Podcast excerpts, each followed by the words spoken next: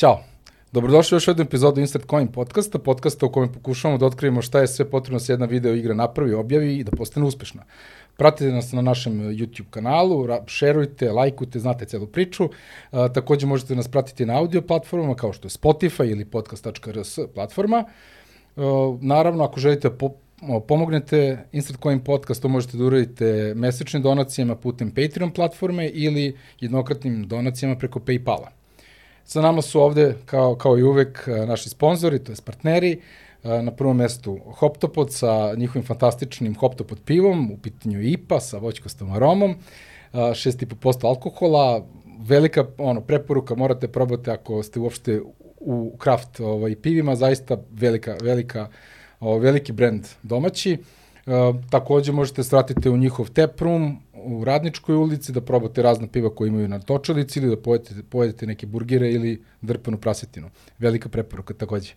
Uh, takođe tu je i Dečko Car brand, uh, carski brand, ekipa braća Burazeri, fantastični dizajn, odlične majice, odlična garderoba, posetite njihov shop u Gračaničkoj ulici i možete da uradite u kupovinu na njihovom web sajtu www.dečkocar.com uh, kao na, ne, neki vid uh, promocije putem ovog podcasta, Dečko Car je obezbedio 10% popusta na online kupovinu na njihovom web sajtu za sve slušaoce Insert Coin podcasta, tako da bacite pogled što ima na šopu www.dečkocar.com i tu je naravno Nitea sa svojim fantastičnim Herman Miller uh, programom, u pitanju su radne stolice, ergonomija vrhunskog nivoa, mi sedimo danas na ovim Aeron stolicama, to je premium model Herman Millera, zaista oko jedan legendarni, legendarna stolica koja zaista pomaže da dobro sedite, kvalitetno sedite, odlična, odlična ergonomija i apsolutno preporuka za bilo koga ko sedi za stolom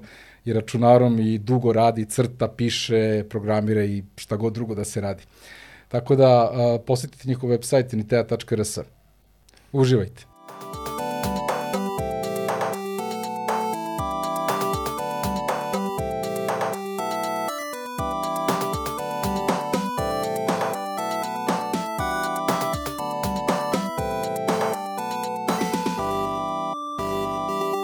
Sa nama je danas Adrian Đura, čovek koji ima ogromno iskustvo u game developmentu kod nas, čovek koji je počeo sa firmom Apex, a, posle prešao da radi u Ubisoft u Beogradu, a sada radi na svom proizvodu, pričat ćemo o tome, to je jedna fantastična VR igra, super zabavna, Uh, jako velika stvar kod Adriana je u tome što je on bio na ključnim pozicijama u ovim studijama koje sam pomenuo, tako da ćemo čuti iz prve ruke uh, neko ko bukvalno ima pogled od ozgo na game development.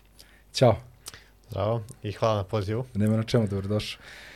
Ovaj, dobro, mi smo sad baš dosta pričali u ofu pre snimanja epizode, uh, ponovit ćemo neke stvari od toga, ali generalno, ajde, prva stvar koju bih hteo da pokrijemo je tvoja igra. Igra koju, na kojoj sad trenutno radiš, koja je već izašla. Jeste. U nekoj formi. Uh, ona je u early accessu, ili tako i dalje? A, bila je u early accessu, odradili smo full release. A sad je full znači, release, ok. Da. To je, to je igra Clash of Chefs VR, Clash of Chefs, a, koja je specijalno napravljena za VR platforme. Okay. Ovaj, I nju smo izbasili prvi put na tržište 2018. godine ovaj, u formi early accessa na Steamu da bi čisto videli da li je ona dobra sa nekim minimalnim ovaj, featureima. Uh, i ovaj, da bi kasnije, tri, tri godine kasnije, znači 2021. u septembru, uh, izašla kao full release na uh, sve moguće VR platforme i ostale koje su u tom trenutku bile dostupne. Uh, znači, počeli smo od tog Steama i ovaj, umeđu vremenu smo radili i dorađivali igru, stalno smo dodali nove uh, stvari, da bi, dost, da, da bi konačno uspeli da uradimo full release uh, na taj Oculus Quest Store, koji je nama bio glavni od početka, od samog početka. Um, Clash of Chess VR je igra koja, u kojoj vi kuvate u VR-u, gde možete da se takmičite protiv drugih igrača, naravno podrazumeva se da ima i single player kampanju, ima više modova, tu neki endless, casual, ali ovaj, neki, nama je bio taj neki fokus multiplayer ovaj, uh, multiplayer segment gde vi možete jedni protiv drugi da i da se takmičite. Um, taj element, nam je, fan element igre nam je bio naj, najbitniji u VR-u, da to bude neka igra koja najbolje može da se doživi u VR-u. Znači nismo hteli da napravimo nešto što bi moglo da se igra i na PC-u, nego smo je ono od po samog početka gradili a, da bude specifična za VR i da iskoristite prednosti VR-a koje ne bi mogle a, da se igraju bez toga. Ovaj, kada smo radili mi taj, ajde kažemo, prvi early um, access verziju igre, uh, mi smo dosta brzo izbacili, mislim negde za nekih šest meseci, smo mi imali taj neki američki restoran i imali smo, uh, pošto smo tek od početka da igra multiplayer, bude, uh, nismo imali mul real time multiplayer, već smo imali asinhroni multiplayer. Mm -hmm. Smatrali smo da je to ljudima uh, da će to biti ljudima bitnije u početku, jer VR ta, ta 2018. godine nije bilo toliko uh, veliko i bilo bi teško da vi nađete istovremeno još nekog igrača da se matchmakujete sa njim. I da, da ima imali... VR set i da hoće da igra konkretno tu igru, da, da. A i onda smo bacili taj asynchrony multiplayer koji je neki, neka vrsta ghostinga gde vi igrate protiv snimljene partije drugog igrača. Naravno, vi kad to odigrate, mi snimamo onda vašu partiju i puštamo drugima. Da, da, Tako da, da uvek da, da. generišemo novi kontent, novi kontent, ovaj, a, da ne budu iste partije stalno da se ponavlja da igrate protiv istih partija. A, tako da taj, a, kad smo izradali ti, tu, tad prvi put igru, dosta je bilo neki negativni komentara što nije pravi real-time multiplayer, koji smo inače planirali vrlo brzo da izbacimo. Mi smo gađali taj, ajde kažemo, septembar 2018, da bi mogli da budemo na nekom selu pred Christmas, da bi tempirali mudro, sve mudro, to, da. da bi ovaj, a, malo povećali neku vidljivost i sale, a, što je bio, mislim, i ispravan potez. Nismo ček, čekali taj mesec dana da bi ovaj Da, znači već se napravio neki blagi hype, pa onda su Upravo već ljudi to. znali šta bi mogli da pazare, jel? Kad da, dođe. u tom trenutku ja mislim da je igra bila u new releases, kad dojete ono na new releases na Steamu.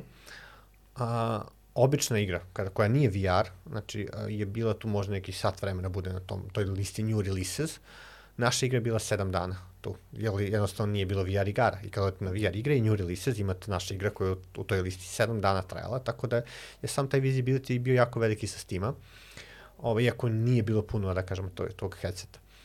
Ovaj, taj, ajde kažemo, mali, mali backlash je bio zbog toga real-time multiplayer, jer smo tada skapirali da ljudi imaju prijatelje koji imaju VR headset i da bi hteli da igraju protiv njih da uglavnom svako kupi VR headset, uglavnom ima i prijatelje koji ima to i žele jednostavno da igraju multiplayer jedan protiv drugog. Da, se challenge-uju. Da, da, se da. challenge-uju upravo to, da se gađaju hranom. Što tako, je, tako, da, odlično. Što je, ovaj, da. Videli smo kod youtubera, to mi je bilo najzanimljivije. Ovaj, a, I um, mi smo izbacili za neki mesec dana već multiplayer i onda već uspeli smo da ispravimo sve te, ajde da kažemo, probleme. No, to je jako brzo, to je baš uh, da, brzo, brza reakcija na... na... Jeste. Jel, Iako jeste bilo planirano, pretpostavljam, da. Quest je bio planiran, tad još uvijek nije bio izašao Oculus Quest mm. uređaj uh, tada. Ovaj, on je tek kasnije izašao ali ovaj, mi smo od samog početka planirali multiplayer da ubacimo i onda kad smo, ajde kažemo, radili na igri, kad programirali sve sistemi su već unapred pripremljeni da može lako da se ubaci taj multiplayer, jednostavno nije bilo vremena, mi smo jako brzo radili na svemu tome. Ovaj, a, tako da, a, to je bilo, ovaj, taj multiplayer dosta brzo došao, naravno, posle smo peglali bugove naravno tri godine non stop u tom multiplayeru, jer on je radio, ali pošto je jedan naspram drugog, ajde da kažemo, vi vidite vi što radite, a onaj što drugi radi vi ne vidite najbolje. Tako da ti bagovi koji su bili za drugi pult što je bio udaljen, nisu mogli lako da se vide, pa smo imali vremena još dodatno da ih peglamo. Da, ovaj. da, da, iskusno, iskusno, Nije, da. Nisu primećivali ljudi. Tek ono kad neko baci nešto kod vas u pult, onda vi vidite da možda nešto ne, ne štima baš najbolje. Tako da smo na dosta dugo vremena nam je i trebalo da sve te bagove ispravimo ovaj, a, što, se, što se igre tiče tog multiplayer dela. Ali nam je od starta bio plan da, ajde kažemo, imamo radimo kroz Early Access da dodajemo nove restorane, pošto smo krenuli od tog američkog restorana. To su burgeri, pretpostavljam, ta neka burgeri, klopa, da. pomfrit, um, sokovi, no. a, tako da to je ono što je, što je bilo to američko. Kada smo da, da bude a, nešto, m, ajde kažemo, da ne bude ni previše interaktivnih elemenata, ali da bude opet nešto što je zanimljivo. Opet mi smo se od početka bazirali ovaj, sa idejom da možemo da radimo tad i na PlayStation VR-u, a, jer je to bio nešto što je tada bilo aktuelno, gde vi imate da može da se igra igra u 180 stepeni, da nemate ništa iza leđa. Jer aha, ne, a, aha. PlayStation VR ne trekuje kad je nešto iza leđa. Tako da zbog toga je odluka bila da sve bude tu i nismo jednostavno imali mesta da stavimo ni više ingredijenta ni više hrane, iako smo mogli da kažemo. Da, da, da Aha, da, znači igra, faktički vi, vi, igrač stoji u pultu, Tako je. Evo ga, bravo.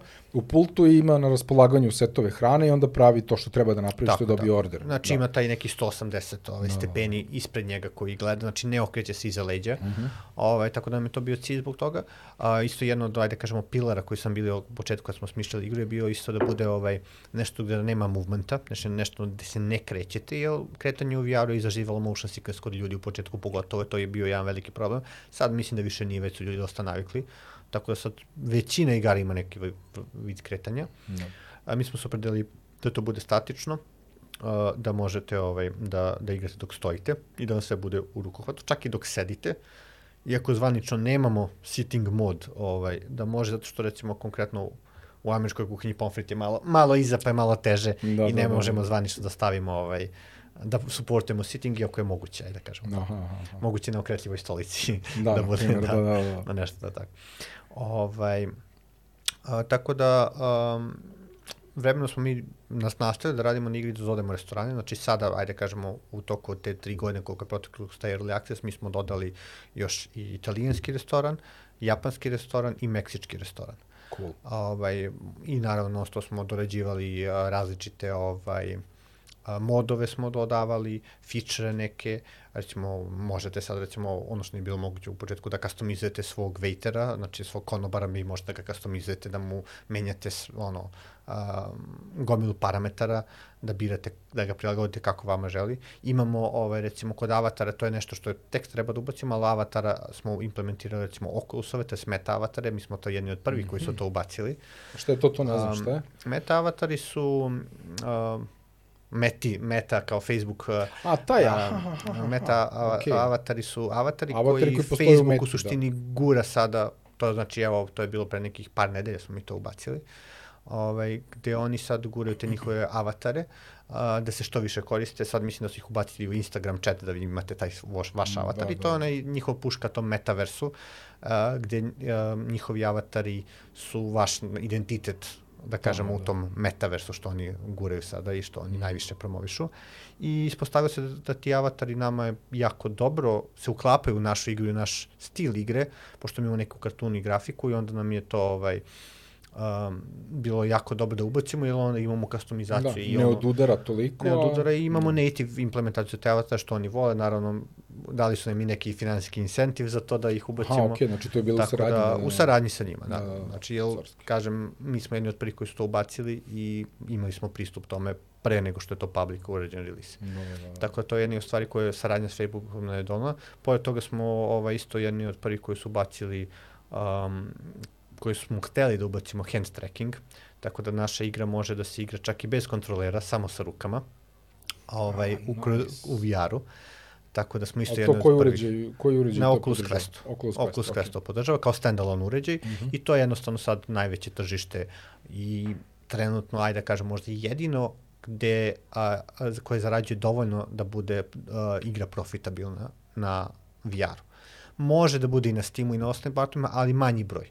Recimo na ovaj, Oculus Questu većina igara je izuzetno profitabilna i većina zarađuje dobre, dobre pare. Ja mislim da je sad zvanična cifra nekih da je 120 naslova prešlo milion revenua. To je mislim da je podatak od februara ove godine da A koliko naslova ima? Pored veličine. A, nisam siguran, ali recimo podatak je da izdaju se dve igre um, nedeljno samo. Znači imaju hard limit od dve, dve igre nedeljno, što znači nekih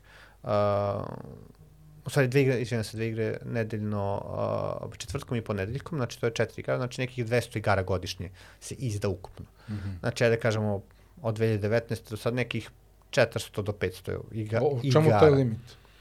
Um, limit je zato što oni izuzetno hoće da kontrolišu šta je na storu. A, znači kuriran sadržaj. Znači, da, Izuzetno da, i jako je teško ući uopšte na tu platformu. Jako, jako Da. je, um, sad je gotovo nemoguće plasirati igru na Oculus Quest. Store. Znači, nemoguće. Mi smo jedni od zadnjih koji su ušli, upali normalnim tokom u sve to. U početku su oni imali neki pitch dokument koji vi šaljete i onda oni kao, eh, ok, aprovuju i kao možete sada da radite, da tek radite na igri pa da nam šaljete. To su ukinuli otprilike negde pre nego što mi lansirali.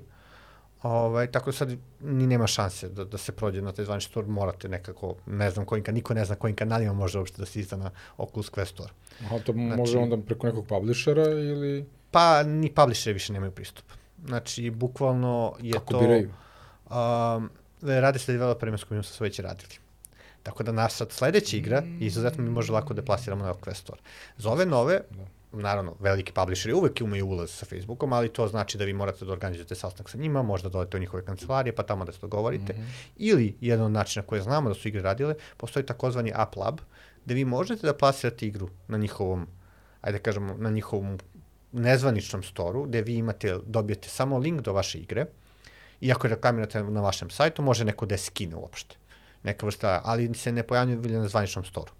I onda, ako igra tu ima uspeha, onda da, oni mogu da je prebace na zvanični stor, ako je neko primeti. Mm -hmm. uh, ima par igara koje su tako uspeli da dođe do glavnog stora i sad je otprilike to neki način, ali vi onda, kad, tek kad imate uspešnu igru koju ste publishovali na taj neki App Lab, tek onda prelazite u glavni stor. Da, da. Um, taj potez, da kažemo, Curated Story im se pokazao kao dobar baš zbog toga što svi developeri zarađuju, zato što je lako se pronalazi visibility jako Da, da, nije, nije masa od 20.000 igara, nego je vrlo proprijet sadržaj. Upravo da. to, i naša igra često i u top selling zbog mm. toga što je izuzetno lako naći nju i recommender radi dobro. Um, ali su isto i zahtevi jako visoki, recimo tu je zahtev za samo da biste vi plasirali to testiranje koje oni rade izuzetno intenzivno, ovaj, i zahtev je recimo jedan najtežih zahteva su performanse O Quest 2 je uređaj, ajde kažem u stvari Quest 1, vi možete da bude kompatibilni sa Quest jed, jedinicom koji ima jako malo, čekamo sada da nju eliminišu da bi mogli malo da poboljšamo uh, kvalitet grafike, ali vi možete da budete na Quest 1 da igra radi. Quest 1 je Android uređaj, neki, aj, u rangu nekog malo jačeg, ja, najjačih, hajde da kažemo, mobilnih telefona, koji treba da renderuje dve slike ovaj, u frame rate od 72. Znači, to je 144 uh, frame rate da imate, koji nikada, nikada ne sme da padne. Znači, to je ono što, što je. Minimum. Da. To, je, to je minimum. Znači, rav, ravna linija mora da bude. Oni tako i testiraju. Puste igru, maltretiraju je, pregrejavaju uređaj da vidi da će frame rate da padne i znači mora da bude ravna linija. I to je recimo naj, najveći zahtev, jer stvarno mora grafika da vam bude jako na, optimizovana na niskom nivou, da, da, da, da pratiti da, da, da. koliko ono drov kolova imate i sve to. Tako je to naj, najteži zahtev i tu najviše i developer ima problem da uopšte dogura do toga.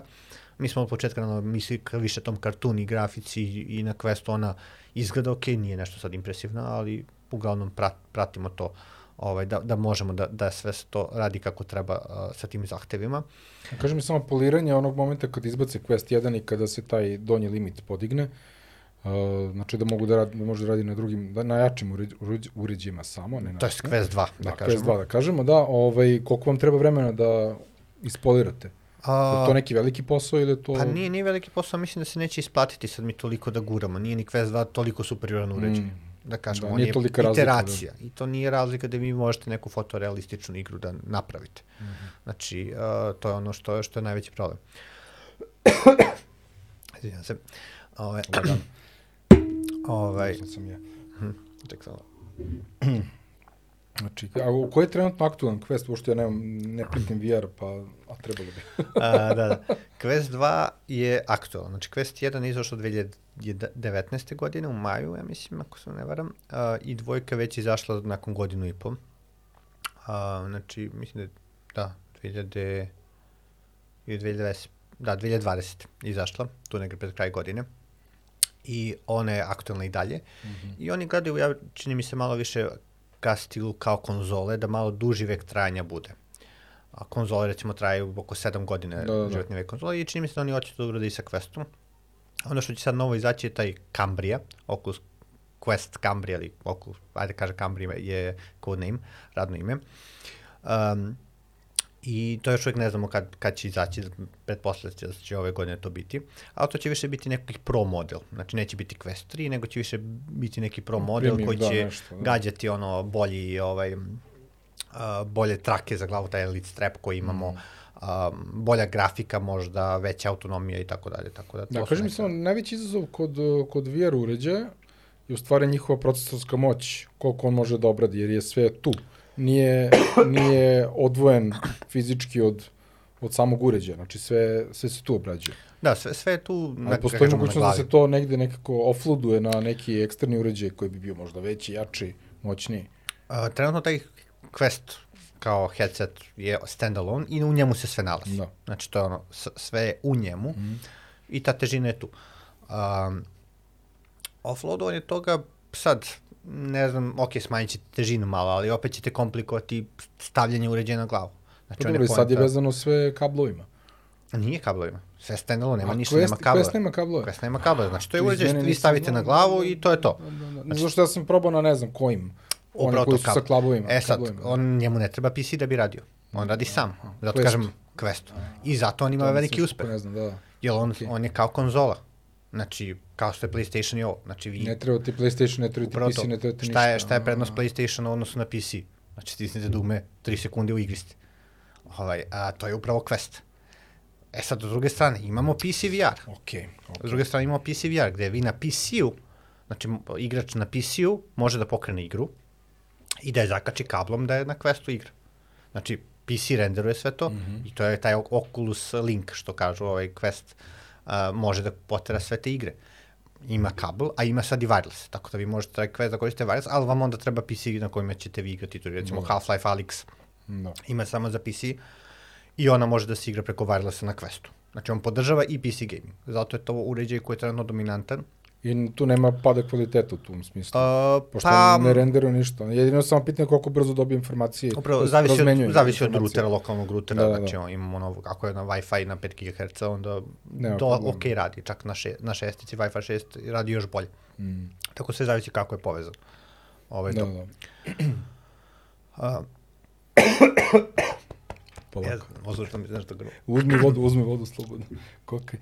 Ove, da, da, ove, da, a, ok, ja, ja ne pratim toliko, ali da, nisam znao da je on standalone uređaj. To je sad, ok, sad mi se slažu kockice zašto igra treba da bude optimizovana, da može da... Upravo to. Da to ovaj, isprati, da. Je li to, kažemo, mobilni uređaj faktički. Da. Uh, ali ovaj PC VR s druge strane može mnogo veću rezoluciju, bolje grafiku, ajde da kažem, dobro, rezolucija nije toliko bitna, ali grafika sama, no. Da. osvetljenje i rendering može da bude mnogo veće kvaliteta, um, da bude odličan. Ovaj, Half-Life Alex mislim da je najuspešnija igra tu.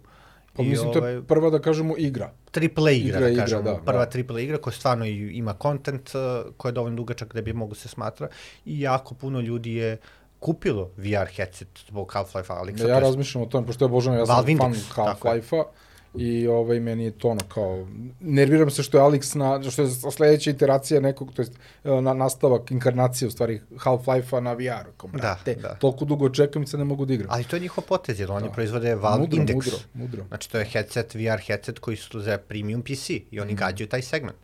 Ovaj, I prodaju headset zbog Half-Life Alyx jedan potez su oni već uradili u prošlo, prošlosti, to sam baš čitao negde oko tome, da su oni već istu stvar radili, i to isto sa Half-Life-om, gde je Half-Life možda dva, ili nisam igra za ketu, ali mislim da je dvojka, mogla da se igra samo ako imate instaliran Steam klijent.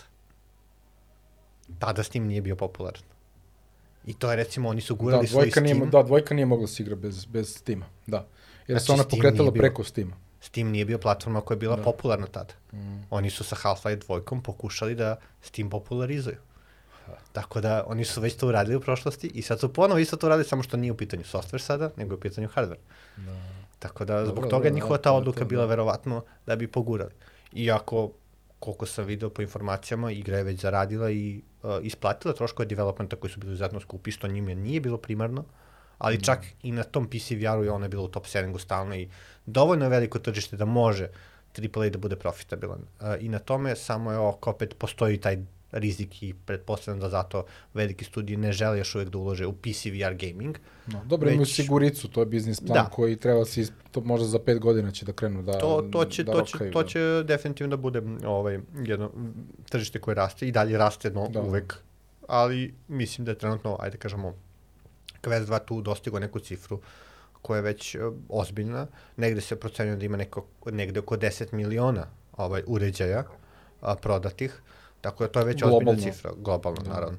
I to je cifra s kojim se ponose i PlayStation 5 i uh, Xbox, ajde da kažemo te cifre kad oni dostignu, oni smatruju da su već profitabilni. Tako da nije zanimarljiva Da, to je velika, to je velika populacija, da. To su velike količine igrača, to je da, odlično, odlično. Tako da postoji mesta da se napravi profit, tako da VR je otprilike negde trenutno možda da je bio i Steam u samom početku kao klijent, gde su dosta indie developera ovaj, mogli da publishu igre, imali su veliku vidljivost i igre su se dobro prodavale.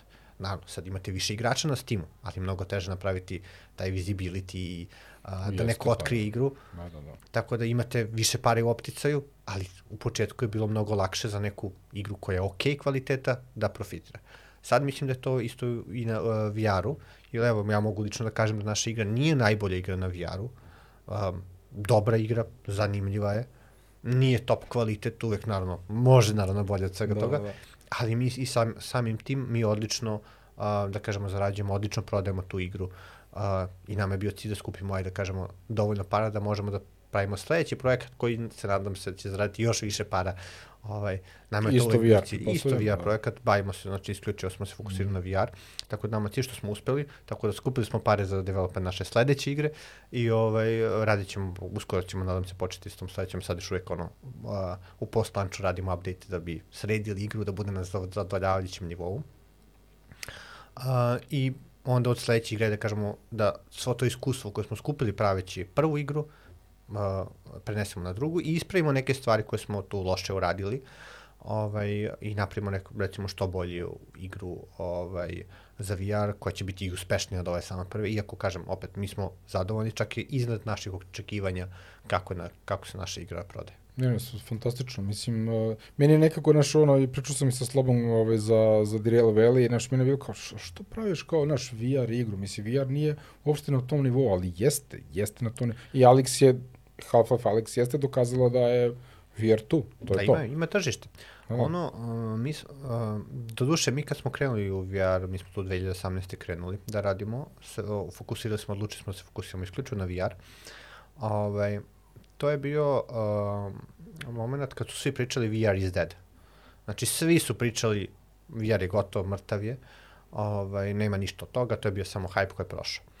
Um, postoji, mislim sad ljudi znaju za taj Gartner curve, Gartnerova kriva, ona što mm -hmm. ide onako kao kako tehnologija um, dolazi na tržište, gde vi imate onu krivu gde ima onaj hype veliki, mm -hmm. pa onda padne, pa onda tek krene u neko ono, u, u neki mass Da, da, da. production, u ono, korišćenje sve, mainstream. Linearni rast, konstantan. da kažem, e, vi, uh, 2016. mislim da je bio taj hype kad je krenuo sa Oculusom, sa HTC Vive-om, tad su svi ono ulagali nenormalne pare su uložili u VR i to je bio taj hype tu. 2017. je to sve puklo i došlo na nulu i do 2018. kad smo mi krenuli. Znači, na, svi su se razočarali totalno u VR i ovaj, odustali su od VR. Zašto? Pa zato što su ovaj, uložili jako puno miliona koji se nisu vratili. I vi kada recimo lupam uložite 50 Aha. miliona, vama se vrati 5. Loše je biznis. Da, ali ne postoji publika. Ne, nije stvar o tome. Nego. Ako se vrati 5, hajde da mi napravimo igru za 1 milion da bi dobili 5. To je naš sistem bio. Jer mi kad smo analizirali Aha, podatke, šta je bila greška? Lju, a, greška je bila što VR igre u tom trenutku nisu bile profitabilne za američki studio koji ih je radio, koji imaju 10 puta veće plate od nas. Ako mi tu igru napravimo u Srbiju, nama treba 10 puta manje para. A toliko su oni zarađivali. Kad smo analizirali koliko one zarađuju, koliko može da se proda, mi smo došli do cifre, ok, nama je ovo dovoljno da budemo možda na nuli u nekom lošijem scenariju.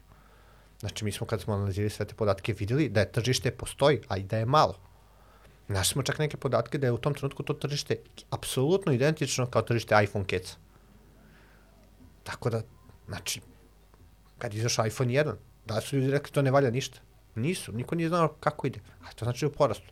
Mi smo sad, recimo, možda sa VR-om na nivou, ajde kažemo iPhone 3GS ili četvorke, tu negde između možda. Da, da, da. Tu smo možda ajde više 3GS, tek treba da dođe ta četvorka da kažemo iPhone. Ove, ali Da prelomi, da. da prelomi, Da. da. da kažemo tu. Ali to je bilo dovoljno za nas da budemo na nuli i da opstanemo. Znači, ok, nećemo ništa zarađivati, zadovoljni smo možda i nekim manjim platama, ovaj, da bi opstali do trenutka kad to tržište poraste. Jer onda će biti kasno ući u tržište. Znači, to je naša logika bila i greška, jedna mojih greška je bila isto, mi smo uvek kasnili ovaj, u trž, nekom tržištu. Kasni smo, uvek smo kasno ulazili, tek kad je nešto popularno. Ovo je bila prilika da budemo u nečemu prvi, ovaj, da budemo prvi u tom tržištu kad ono poraste, da mi već imamo tu ekspertizu, znanje. Jel, ovu igru što smo mi radili sad za tri godine, mi sad možemo napravimo sigurno za šest meseci, do godinu dana. Znači već sad imamo to iskustvo. Dosta da, meni ona informacija koju sam mi dao dok smo pričali u OFU je da ste vi prvu verziju koja je otišla na Steam napravili za koliko? Za Baš šest meseci, tako. Za šest meseci ste napravili Ali to je, da. proof of concept, MVP, playable igru. Tako je, tako je. Tu, je... tu smo, ajde kažemo, mi smo već generisali pare, mi smo već prodavali mm. tu na igru na Steamu i ona generisala dovoljno para uh, da bi mi finansirali dali development od toga. A jedno od, uh, šta je nam isto tu pomoglo dosta, je arkade. Znači, to je location-based VR, gde uh, ljudi igraju našu igru, znači to su igraonice, gde naša igra se naplaćuje 6 centi po minutu. I te igraonice hmm. ovaj, uh, igraju uh, našu igru i daju nam 6 centi po minutu u zavisnosti koliko se igra. I onda smo mi na jako puno Kako arkada prati? Dobro, oni preko, oni online, oni preko online platforme tako je, tako je, analitiku imaju aktiviraju i, igru i onda dobijaju. Da, da, da. I onda mi smo tu dosta bili, čak evo skoro smo baš prošle godine smo bili među top 20 igara u tim arkadama. Wow i generisali smo u jednom trenutku pre korone. Gde, gde to postoji? To je u, Ameri to u Americi. U Americi da. Amerika, je, Amerika je najveće tržište, ima i Evropa, Japan? ali ne, recimo Japan nije, nije bilo, ali Amerika je najviše tu. Znači to je ona igronica u tržnom centru. Da, da, da, jasno. jasno. Imate i po Beogradu u tržnim mm. centrima te igronice sa VR-om. Ovaj, uh, ali u Americi je to jednostavno, uh, oni nama je plaćaju licencu za našu igru i koliko si igrao po minutu, toliko oni nama daju par. Pre korone, zadnjih par meseci je revenju od arkada bio veći od revenju od Steama i od Oculus. Recimo, to je bio vrlo interesantan podatak. To posle došle korona. Revenju vaš? Naš revenju. Da, za, za igru. Za igru. Znači, mi smo više zarađivali od tih igraonica nego od prodaje igara na Steamu. Tako da je dostigo tad jako visok nivo, na koji se ja mislim već sad i vratilo, da, da, da. ajde da kažemo, i onda je došla korona, mart, zatvorili su sve i nije bio, revenue sa tih platformi bio nula. Da, to je mart je bio ne možeš da predvidiš, da, da, da. Tako, to je. Tako, i onda je to... Ovaj... Ali dobro, to vas nije nešto unazadilo, nije, jednostavno nije. samo je revenju se smanjuje, ali vi ste dalje imali stabilan prihod preko Imali smo prihod koji je okej okay bio, ajde da kažemo, da. da možemo tu da ispeglamo to na neke duže staze. Mi smo Mislim, i onda mogo da radi studiju, da nastavi da radi. Tako. To je, to je Mi smo imali isto i tu sreću što smo, ajde da kažemo, dobili taj grant od inovacijonog fonda u Srbiji, pa nam i to pomoglo da preživimo taj period da, da, da. Ovaj, u developmentu naše igre uh, do full release-a. Tako da smo imali nek, ajde da kažemo, druga sredstva finansiranja dok ne dođe, dok se sve to ne smiri i ne dođe ovaj, do nivoa gde može da nas sustainuje gde taj revenue dovoljno, što je sad, evo, trenutno od kad smo izdali već ono prodaje dovoljno i više nego što treba da se nastavi development i da imamo i za cijelu sledeću igru već pokrivenu bravo, bravo, ovaj, za to. Tako da kažem, ali eto, to je interesantan biznis model za te arkade, nešto drugačiji, to postoji i dalje igraonice, uh, po svetu, imamo i u Srbiji gomilu igronica, samo što uglavnom ne licenciraju software, Aha. a nego ko nisi kupe igru i to je to. Ovaj, ali uglavnom ima čak i Steam, ima opciju Steam Cafe gde je cena igre otprilike, mislim da se normalno plaća igre, plus mesečno košta isto koliko igre ili duplo ili možda i troduplo. Na mešnom nivou vi morate da plaćate ako hoćete da stavite u vašu igronicu u svetu. Ali igronicu u svetu nisu toliko popularne, evo, imamo sad te ovaj, VR igronice, ili nemaju svi VR. I onda tu recimo bilo, naša igra izuzetno uspešna. A, mogu bi da kažem da, da je jedno razlog zašto je uspešna, zato što sam ta, to, to što smo mi izabrali da pravimo je bilo u suprotnosti od onog što su svi pravili. Kod VR-a, kad je krenuo VR i sve igre koje su pojavili u početku su bili šuteri. Znači imamo, pucamo zombije, violent, sve se puca, uvek se puca. Mi smo imali ideju da napravimo nešto što je family friendly. Da vi kad odvedete znači vi ste u tržnom centru, um, um, došli sa ženom i dvoje dece i sad uvedete ih u igronicu VR i vidite s jedne strane pucanje zombija, a s druge strane cooking game. Šta ćete dati da, deci da probaju? Da, I to je jedna od stvari zašto smo i uspešni, o, jer nije bilo nijedne cooking game u tom trenutku. Ovaj, A kako ste došli na ideju uopšte da radite cooking game? Mislim, meni tu u životu ne je palo na pamet, naravno, ali... Pa, analiza, pa upravo to, analizom tržišta, tim pilarima, koje smo mi postavili gde nam je trebalo da bude nešto što je multiplayer. Znali smo da hoćemo multiplayer. Um, znali smo da hoćemo da ig bude igra multiplayer. Znali smo da hoćemo da ovaj, možemo da implementiramo taj asinhroni multiplayer, da kažemo taj ghosting mm -hmm. sistem i da bude family friendly. To su nam bile uh, bitne stvari. Um, po samoj strukturi tima koju smo mi u tom trenutku imali, ovaj, mi nismo mogli da pravimo narativnu igru. Nismo znali to da pravimo. Bili smo slabi u tom delu. A, opet grafički nismo mogli nešto ultra realistično da smo gađali ove. Znači, tako da smo imali te limite sa jedne strane.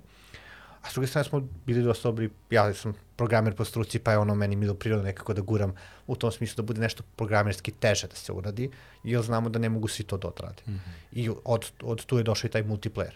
Znači, a probali smo VR i videli smo šta je fan, šta nije, onda smo na osnovu toga ocenili šta bi moglo da bude interesantno i jednostavno smo kroz neki brainstorming um, smo videli šta, bi mo, uh, šta je tu interesantno ljudima i to su bile te interakcije. Uh, tad je već bila izašla igra Job Simulator i videli smo ovaj, da je ljudima bilo interesantno da nešto rade u VR-u, da postoje te interakcije između objekata, da bude nešto sa time urađeno. I onda smo jednostavno, jednostavno smo ono, razmišljali šta bi to moglo da bude, šta bi to moglo i nekako smo došli do tog nekog kuvanja, istražili smo tržište da vidimo šta ovaj, u tom trenutku ima. Postala je jedna igra koja ima single player samo na Steamu nešto, bio neki pokušaj ovaj, uh, cook, ovaj, uh, cooking simulatora da se ubaci u VR-u, tad nije bio cooking simulator. Anali, istražili smo i na mobilnom uh, tržištu koje su teme interesantne i tako smo došli do da je jedna od jako popularnih tema cooking. Znači, da ti ima cooking igara jako, jako puno, kao free-to-play igara na mobilnom telefonu, uh, na, na PC je bio taj uh, cooking simulator koji je bio popularan i onda smo videli da je tema interesantna, ima interakcije, jer to ne je bilo bitno da vidimo da li to nešto s interakcijama i onda smo eto prirodno došli do nekako toga da, da, znači to je, to je jedna, jedan ovako da. vrlo dobra uh, poslovna analiza tržišta, znači marketing research, biznis, pravljanje biznis case-a, pravljanje, donošenje biznis odluke, da se pravi igra. Nije da kažemo došlo nešto, ono, neke ideje, što bi rekli, srca, ovo ono, nego jedna vrlo svesna odluka da se napravi proizvod koji je marketabilan i koji može da vrati uložena sredstva. Tako je, tako Što je odlično. Što znači nismo imali zaista. cooking fanatike, nismo imali one fanatike ovaj, da, da, da. u, u timu koji se bave, ne znam ja kuvanje, koliko, ne znam ja koliko vole kuvanje, nego eto, jednostavno smo analizili to tržište i kažem, evo, ja smo videli smo da recimo taj cooking game koji je tad bio, neki uh, Diner Duo, svi su se žali na Steam discussionima da nema multiplayer. Nama je to bilo jedna od stvari, ok, znači o, treba da idemo u tom smeru. Znači, dobro smo procenili. No. Ovaj, tako da su svi elementi bili tu uh, da, da nam dokažu da to tržištu treba. I ovaj, jednostavno, to su neke bile procene bile koje, su, koje smo pogodili, ja da kažemo, bilo smo u pravu za to. I taj family friendly segment koji se ispostavio kao vrlo dobar, jer Oculus Quest i gađa upravo taj segment uh, ovaj, uh, tržišta malo onako više casual stil, ne hardcore gamere. Hardcore gameri su na PC-u. Tako, tako. A, da. Tako da, igru, kad bi pravili sad neku AAA igru, na Questu možda ne bi toliko dobro prošla kao na uh, PC na VR. PC, da. Jel Half-Life Alyx, čak i da ima port za Quest, ajde nekako moguće to izvedi. Mm. Ne znam, ok, prodavala bi sad ima tu sve, ali svi ti ljudi verovatno imaju i PC koji imaju taj Quest. Pa da. I onda to nije toliki da. problem njima bio. Uh, ono što smo primetili, pogotovo sad za Christmas sale, kad je bio, jel sad ovaj Christmas sale 2021. je bio veliki spike u prodaji kod svih developera. Svi developeri po Twitteru su pisali da se desio taj spike u prodaji uređaja. Um, znači, Quest je uređaj koji košta 300 dolara u Americi.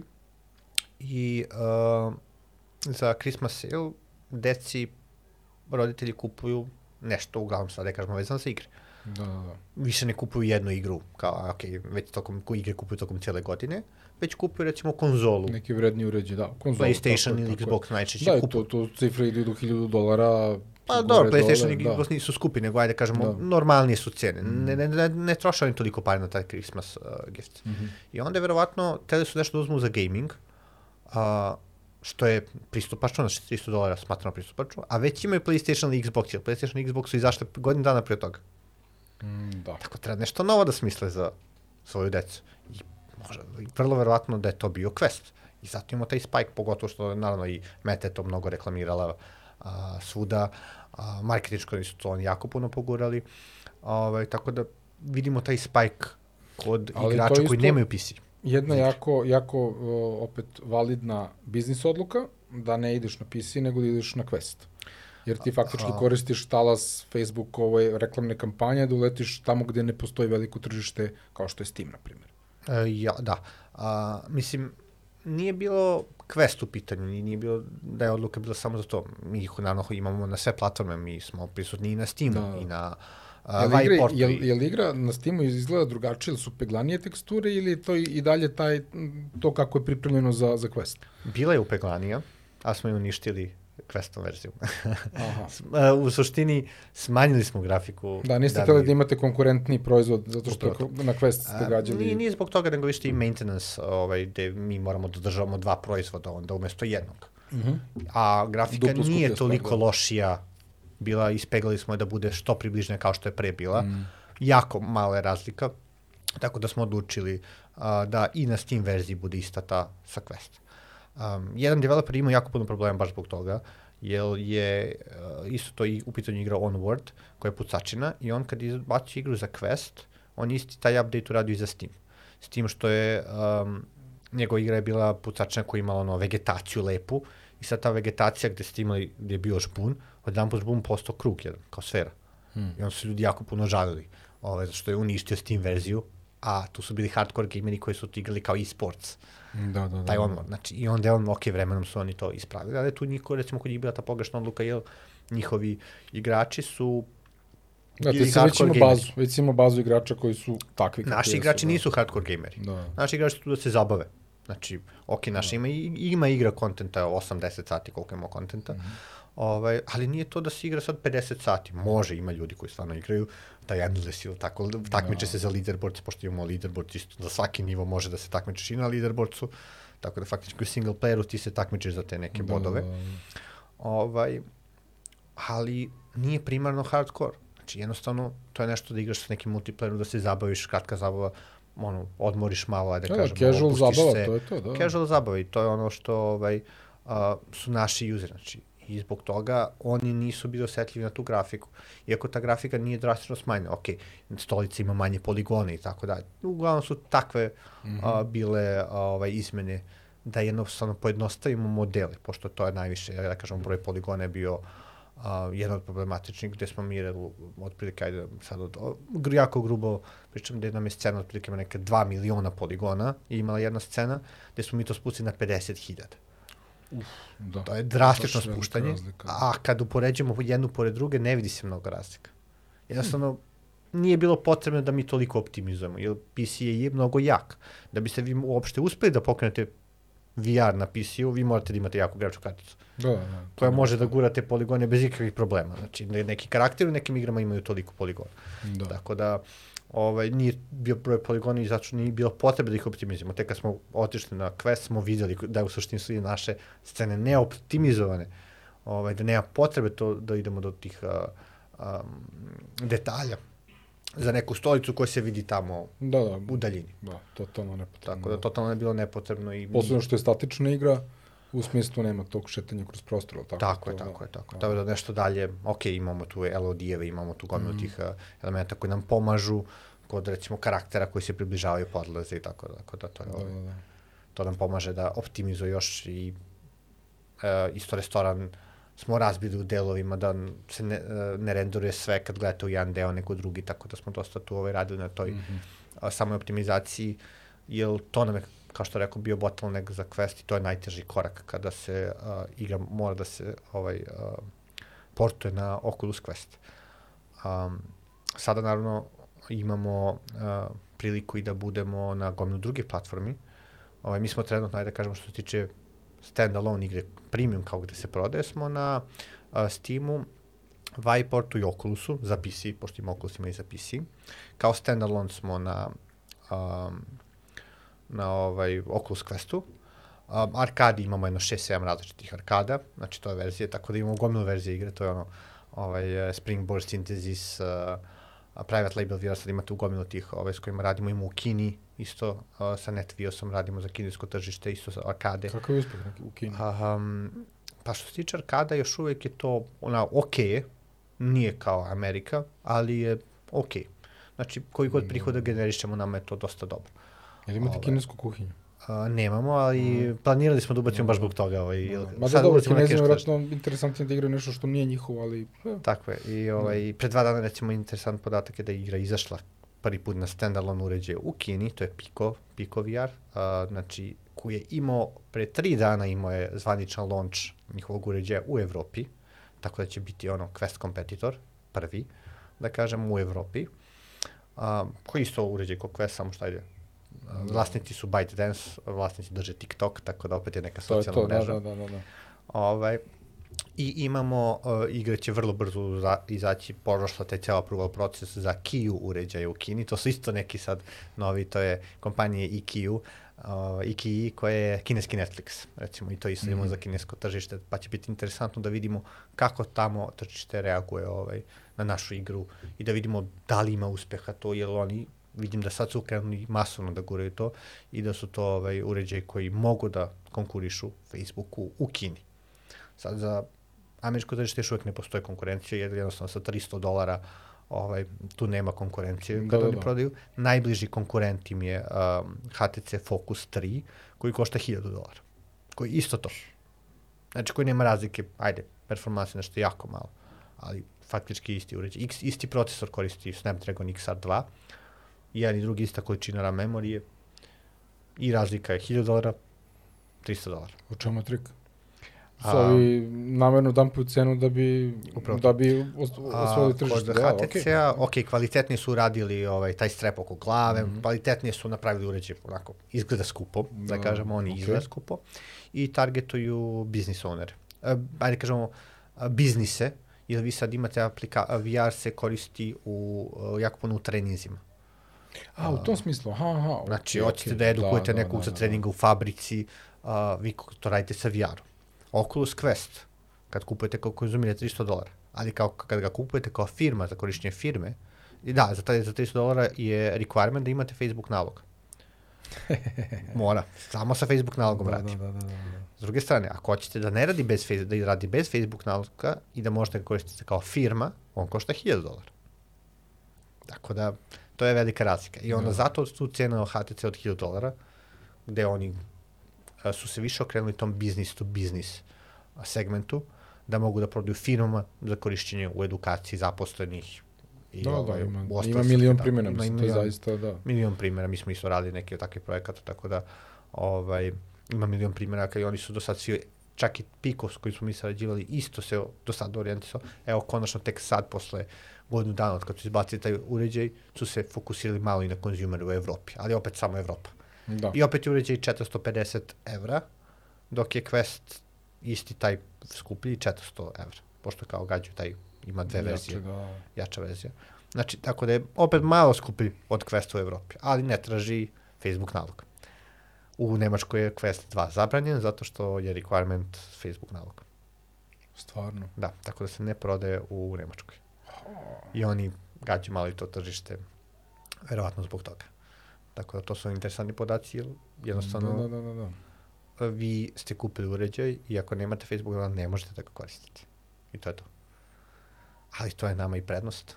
Jer, ovaj, mislim, zato se Quest igre i prodaju, jer kad radimo i neki user acquisition, mi možemo da targetujemo Quest owner, Da, da, da, imaš direktan reklamiramo pristup. samo da, njima. Da, da.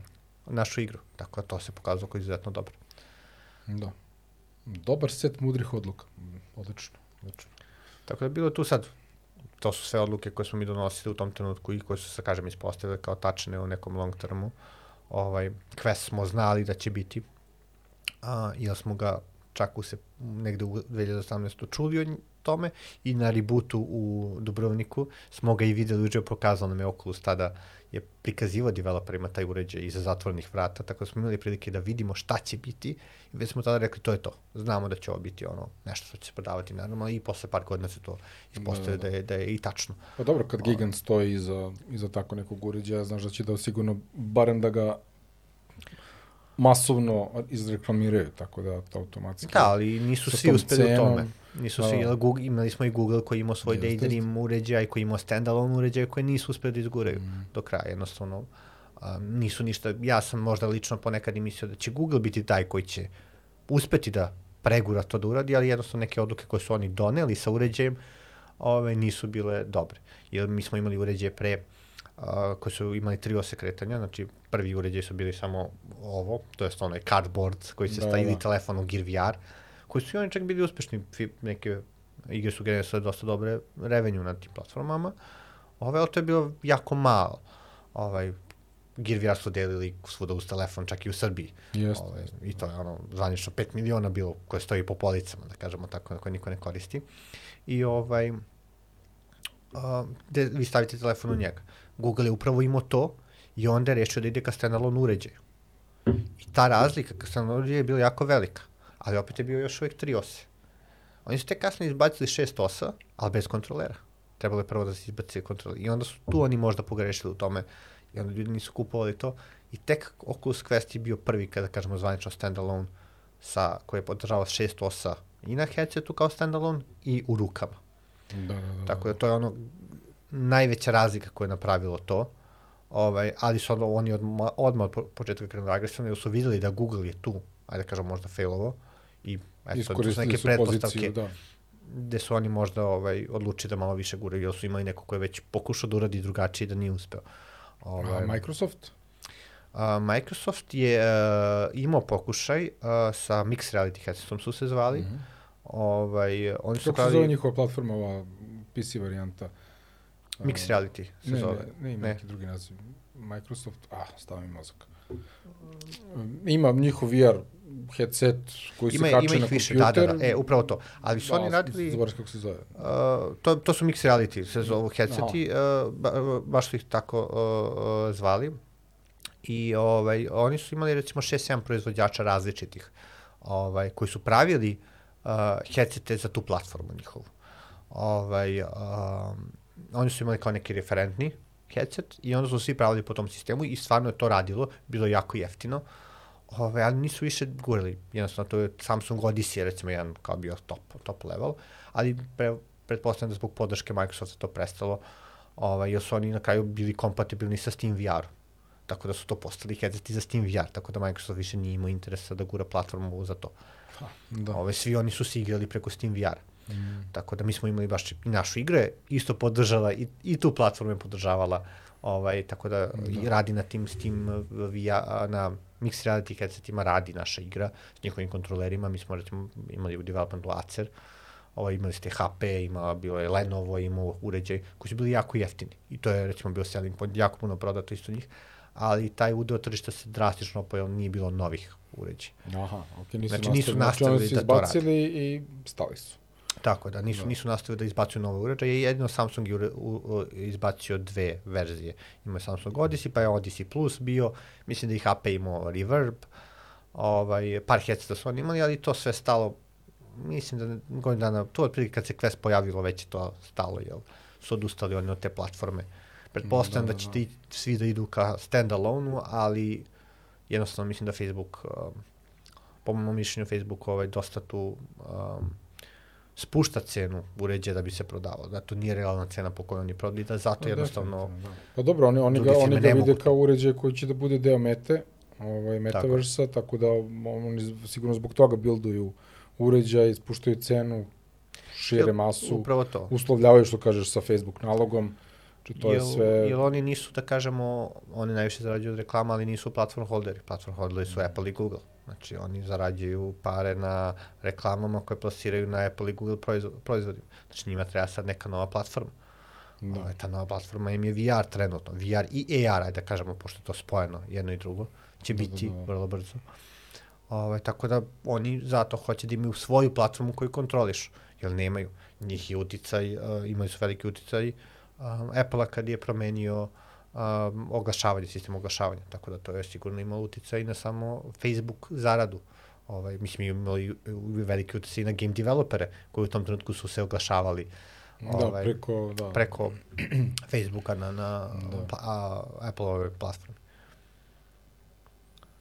Da, da, da, vrlo, da, viš koji je to set uh, biznis informacija koji tu treba, ali dobro, to, to je uh, dokaz da se ti svo tvoje iskustvo koji si stekao radeći u velikim, da kažem, sistemima, većim sistemima, uh, skupio i onako u nekoj es- esenciji primenio na svoj, na svoj proizvod, na svoju igru. Što je, da, to je Da. čast. Ovaj, pa jednostavno te, um, to neko iskustvo koje sam imao pre toga je, je da sam video otprilike šta su neki problemi koje smo mi imali, ovaj, da smo uvijek bili kasno na tržištu, jednostavno ovog puta sam teo da budem među prvima i to je ono jednostavno, to je bila ta glavna odluka koja je bila, naravno mogu to da bude i ovaj, druga neka oblast, to, sad imamo to od blockchaina, AI-a, machine learninga, različite stvari. Znači, ljudi koji su bili prvi, recimo, u blockchainu, jako se dobro pozicionirali. Sad, možda nije kasno, ne znam, ali isto da bi sad neko ušao u blockchain pa da izbaci proizvod za dve godine, opet možda nije baš najidealnije kao što je bilo pre dve godine. Ili, Da, ili ne- možda tek treba da dođe mislim- vreme za to, vidjet ćemo, vidjet ćemo dolazi, sad. Dolazi, mislim, ja mislim da dolazi. Da to ogromno isto, tako da. je.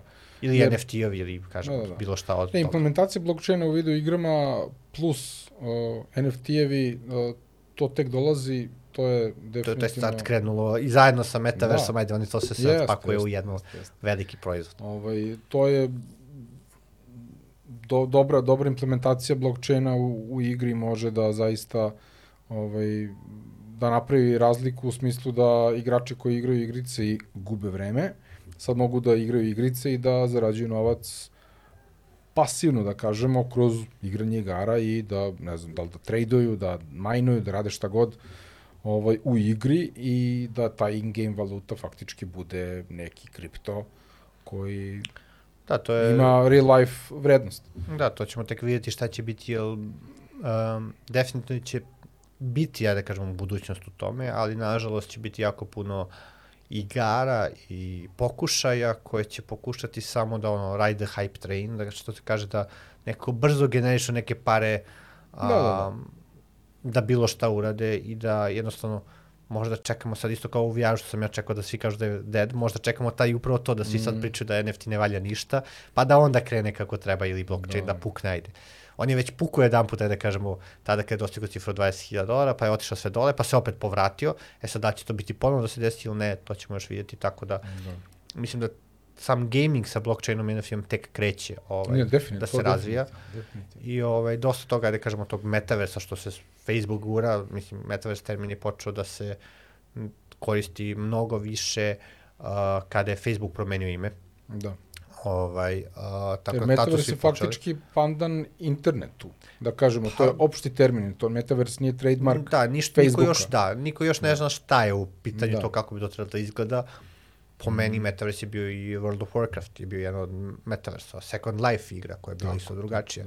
Tako da, ako to definišemo kao neki multiplayer experience, ok, to je to. Povezan sa Web3-em, Uh, tako da vidjet ćemo šta će to ovaj, Da. doneti. Da li je to, sad neki kažu da je VR u sklopu toga, neki ne, vidjet ćemo.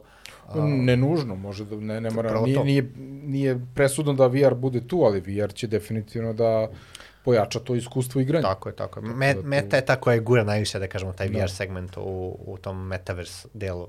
Ovaj, nešto što ona asocira dosta sa, sa VR-om.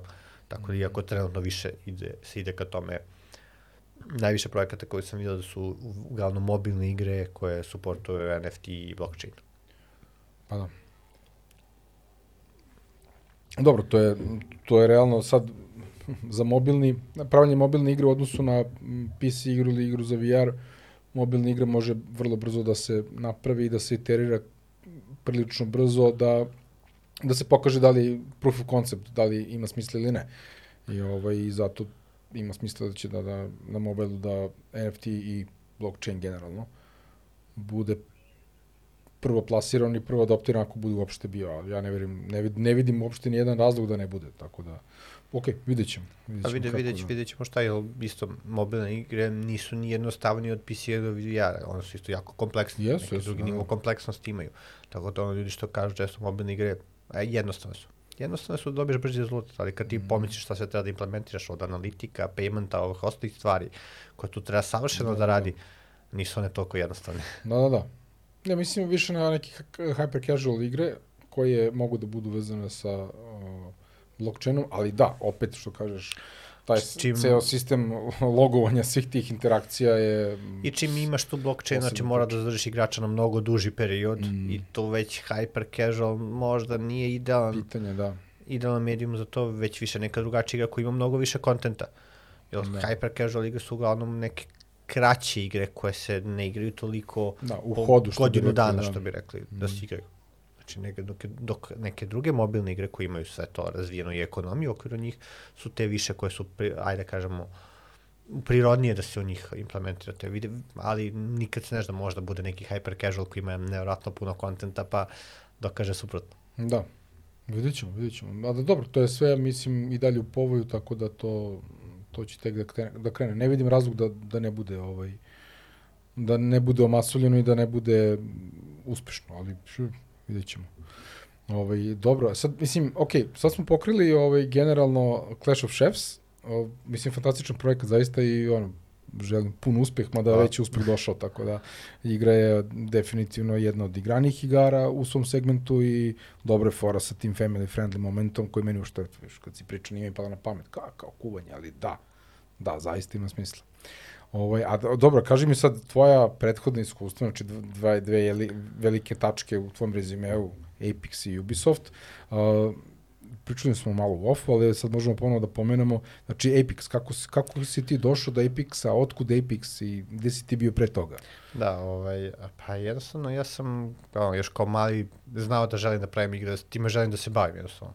To je bilo neki, ono, dečaški san koji je istrajao gde sam istrajao. Uglavnom, ono, deca maštaju o nečemu šta će da budu kad porastu i vremenom menjaju tu svoju odliku.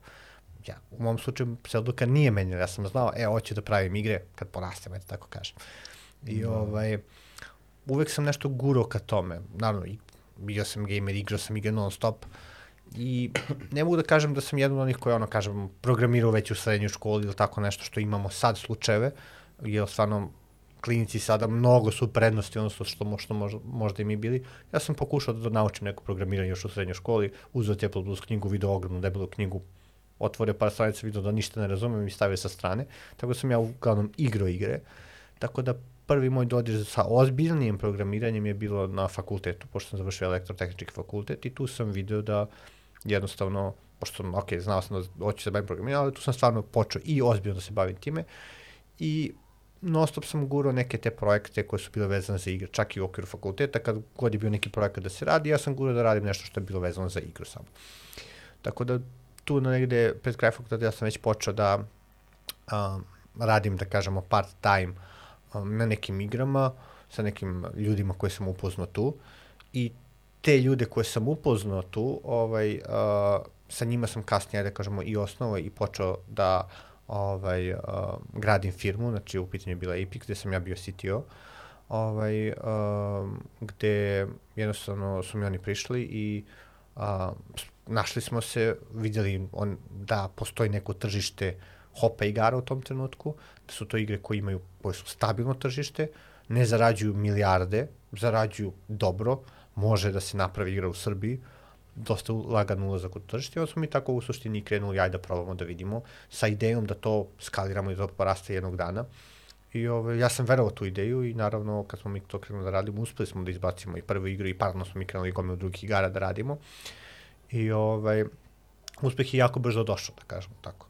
Ovaj, u tom trenutku sam ja završio studije u Beogradu i da bi mogo ja da se bavim daljim razvojem igara, a ne mogu da živim u Beogradu kao student dalje. Ja sam se vratio kod mojih roditelja u Alibunaru, dakle sam rodom iz Alibunara, da bi ono, imao krov i hranu i internet, to no. mi je da. bilo dovoljno, ništa nisam tražio od njih, to mi samo da imam šta da jedem, da imam internet, eto da imam gde da spavam, to mi je bilo dovoljno i to je bio neki period gde sam ja počeo to da radim i tako da je, početci Apexa su opet moji vezani bili tu, ostali su svi bili u Novom Sadu.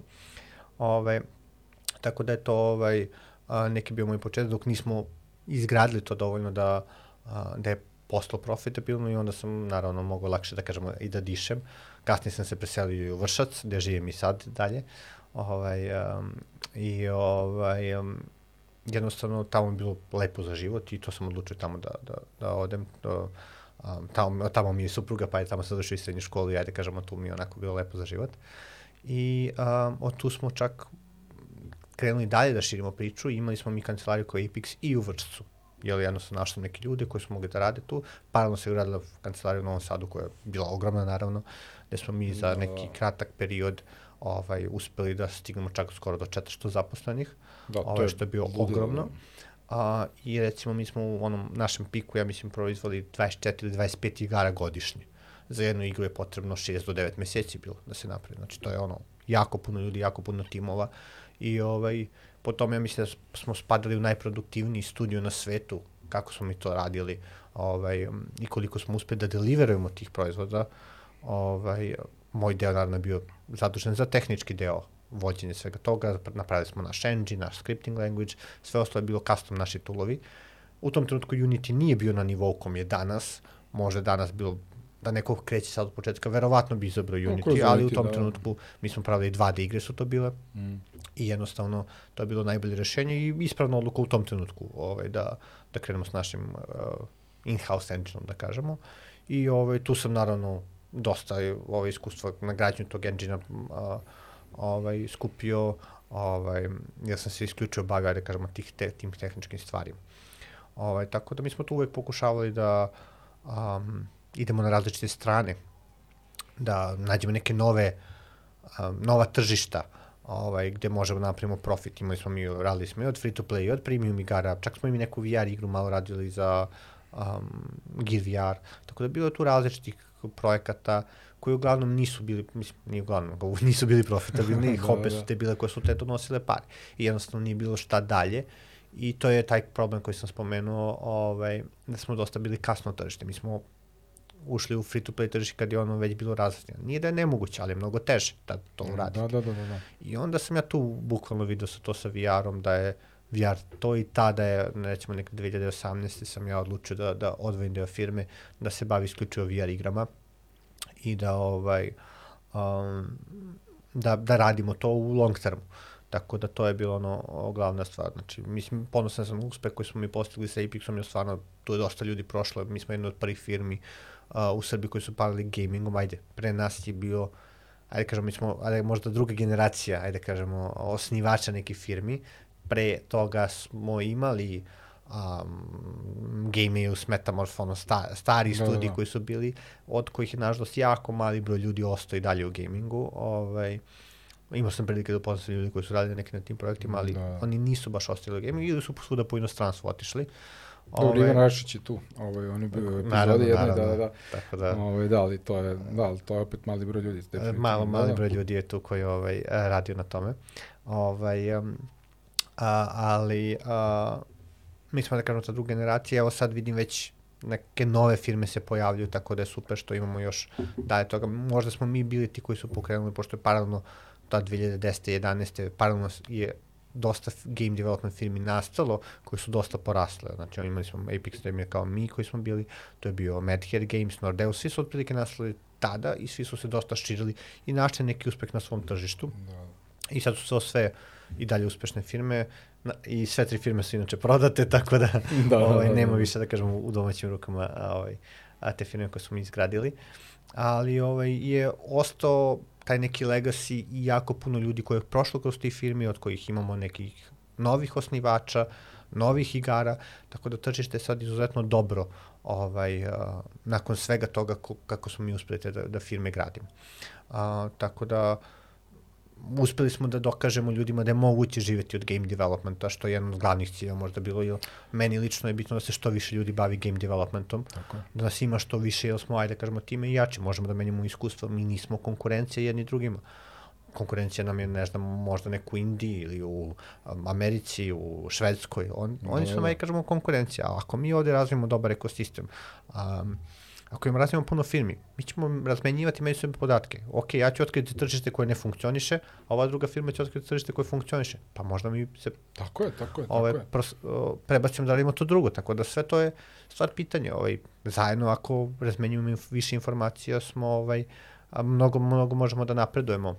Pa da, mislim, to je cilj podcast ovog. Znači, meni ideja da kroz, kroz ovaj podcast na neki način uh, istražim šta postoji kod nas na tržištu i kroz razgovore sa ljudima da vidim šta je, kako su došli do toga, otkud ideja, za, zašto se to radi i da vidimo na neki način da se to propagira kao budući kao neki budući korak za mlade naraštaje koji dolaze, koji su sad na, ta, na nekoj prekretnici gde biraju čime će da se bave u životu, da, gde biraju fakultet koji će da upiše, koji, koji nivo edukacije, šta žele da rade i da znaju da budu svesni da postoji nešto što se zove game development i da je to isto jedan vrlo, vrlo validan put, plus što su današnje nove generacije, svi su manje više gameri.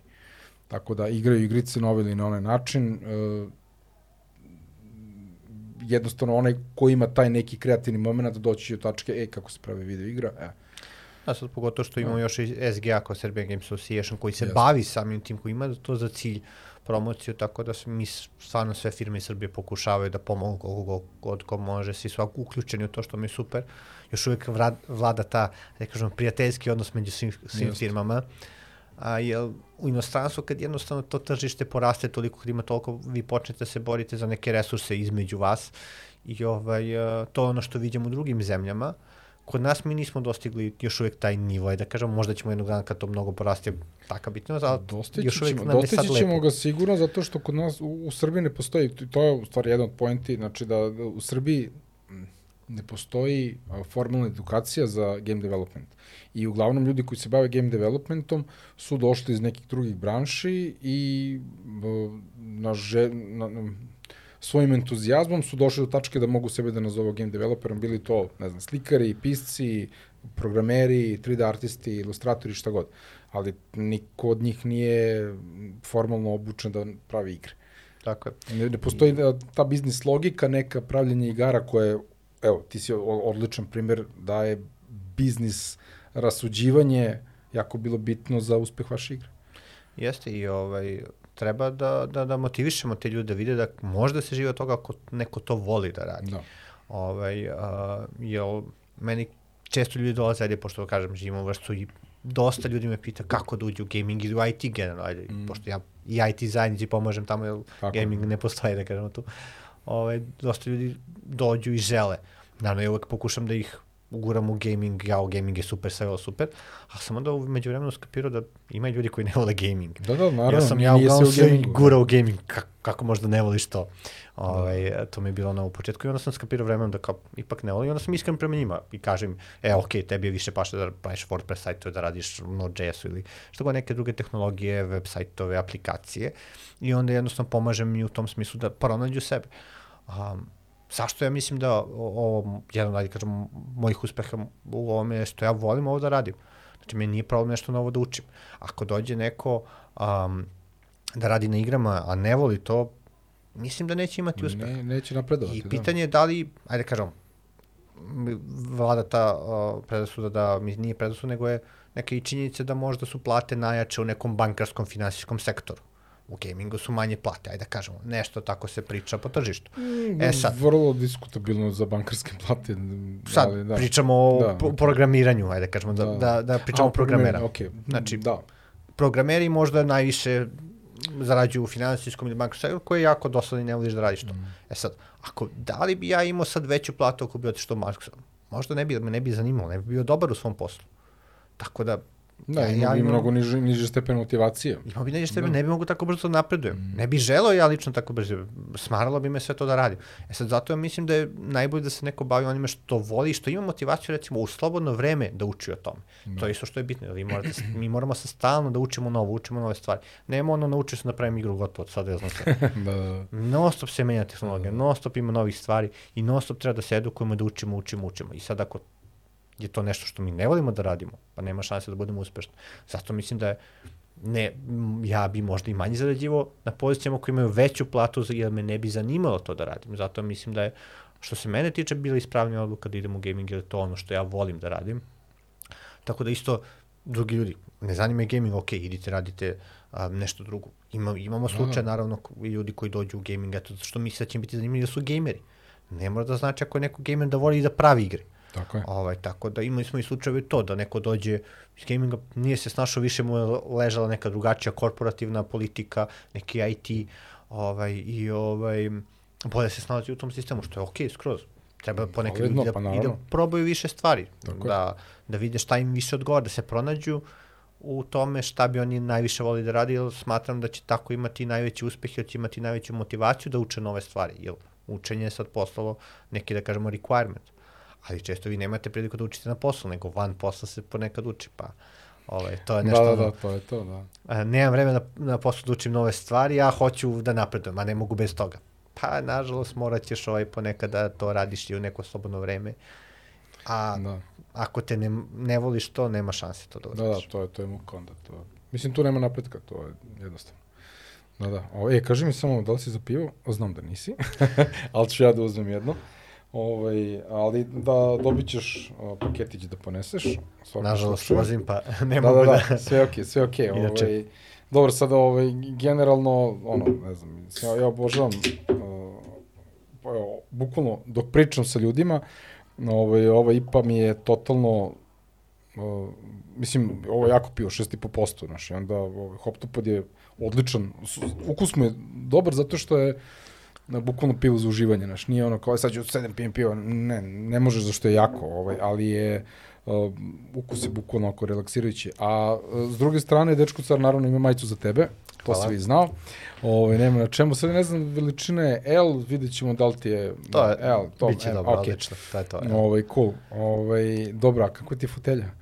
To je stolica, Od, odlično, odlično. Aeron, nema greške, ovaj odlično, to. pošto ovaj, to je problem ovaj, svih nas koji puno sedimo, problem sa leđima, tako da to je ovaj, Jeste, jeste. jedna od bitnih investicija koje mora da uradimo u stolici. Apsolutno, apsolutno. Ja sam ovaj, ono, ne znam, ja bukvalno sedim ceo dan. Znači, tu, tu nema šta, znači, od ujutru do, evo, i dalje sedim, sad je već nekih, evo, koliko je, pola osam, ovo, i dalje sedim, znači, sedeo sam ceo dan, ne, ne mrdam, uopšte nije zdravo, ali, znaš, barem imam neku polutehu da ne sedim na nek, nečemu što će da me unazadi, bukvalno, ovaj, tako da, velika preporuka za to. Odlično. Ovaj, a, ali dobro, mislim, uh, Apex je ostvario određeni uspeh, ti si tu na, odlučio da izađeš da radiš na svom projektu. Uh, vrlo interesantno mi je to što uh, opet ono što smo rekli, odluka da, da radiš uh, family friendly VR igru za posebno ono uređaj koji je faktički tek dolazio. Uh, očigledno dok po- pokazalo se da je, da, da je to bio niz ispravnih odluka. Ali onda dolazi vrlo interesantna situacija gde ti ovaj, imaš priliku da dođeš u Ubisoft. Tako je. Što je ono, znaš, kao, čekaj bre, pa da radiš svoju igru, imaš si svoju firmu, sad ideš kod nekog drugog. To je, Ovo, da. To je vrlo interesantna To priča. je skoro da. nešto neplanirano, što da. mislim nikako nije uklapalo u planove, ali je došlo neko, ajde da kažemo tako. Ovaj, to je bilo nekih, ajde da kažemo, godinu dana nakon što sam, ma, manje od godinu dana nakon što smo već, već ono odvojio svoju firmu i radio na uh, novoj igri. I u tom trenutku sam upoznao ljude iz Ubisofta na jednoj konferenciji DevPlay u Bukureštu, gde sam upoznao ljudi iz menadžmenta tamo, um, gde sam ja imao dosta predrasuda o generalno AAA studijima ovaj, um, i kako to oni rade, ja nisam volao to. Ovaj, smatrao sam, to su zle korporacije i tako dalje, uvek smo ih tako gledali, mi smo indie developeri, mi smo, ono, smo mnogo bolji od njih i tako, tako da to, to su takve stvari bile i dosta, dosta sam predrasuda imamo, imao tim velikim kompanijama. I onda sam imao priliku da upoznam nekog iz Ubisofta i čak sam ot, malo otvorenije pričao s njima o tim stvarima, zašto ja ne bi volao da radim u tim korporacijama i zašto je to tako. I onda su me oni pozvali da dođem ovaj, um, u njihov studio u Bukureštu, da ih posetim ovaj, i da mi pokažu kako to izgleda tamo. Ništa mi nisu rekli, jednostavno verovatno su znali da će da mi razbiju predrasude koje sam do tada imao i pokazali su mi bukvalno sve kako se radi, kako to izgleda, ovaj, kako je ta produkcija i onda sam vidio da sam, ja uopšte nisam bio u pravu vezano sa te predrasude koje sam imao za njih i ovaj, nekako su mi otvorili oči kako to, to funkcioniše u tom velikom sistemu, kako se to radi. Ja sam naravno skupio te informacije, to sam ih pitao kako šta.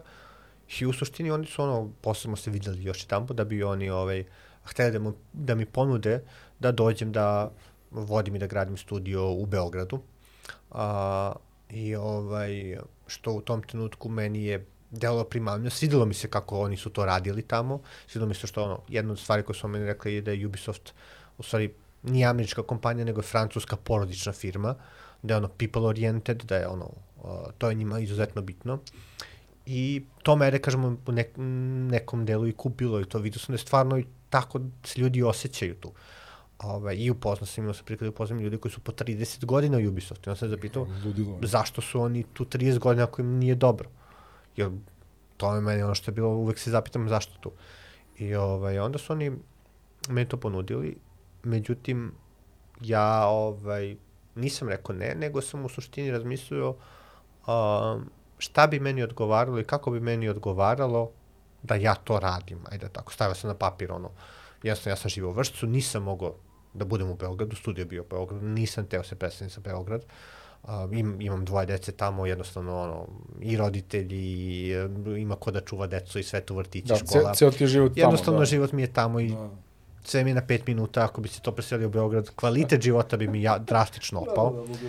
ovaj, uh, jer nisam imao ništa ovde u Beogradu. Uh, I jednostavno sam rekao da ja jednostavno mogu da dolazim dva dana nedeljno u studio, da mogu ostalo da raspodelim tri dana, tako postavio sam neke, da kažemo, svoje uslove, stavio na papir u kom smislu bi to moglo da funkcioniše ovaj, uh, sa Ubisoftom.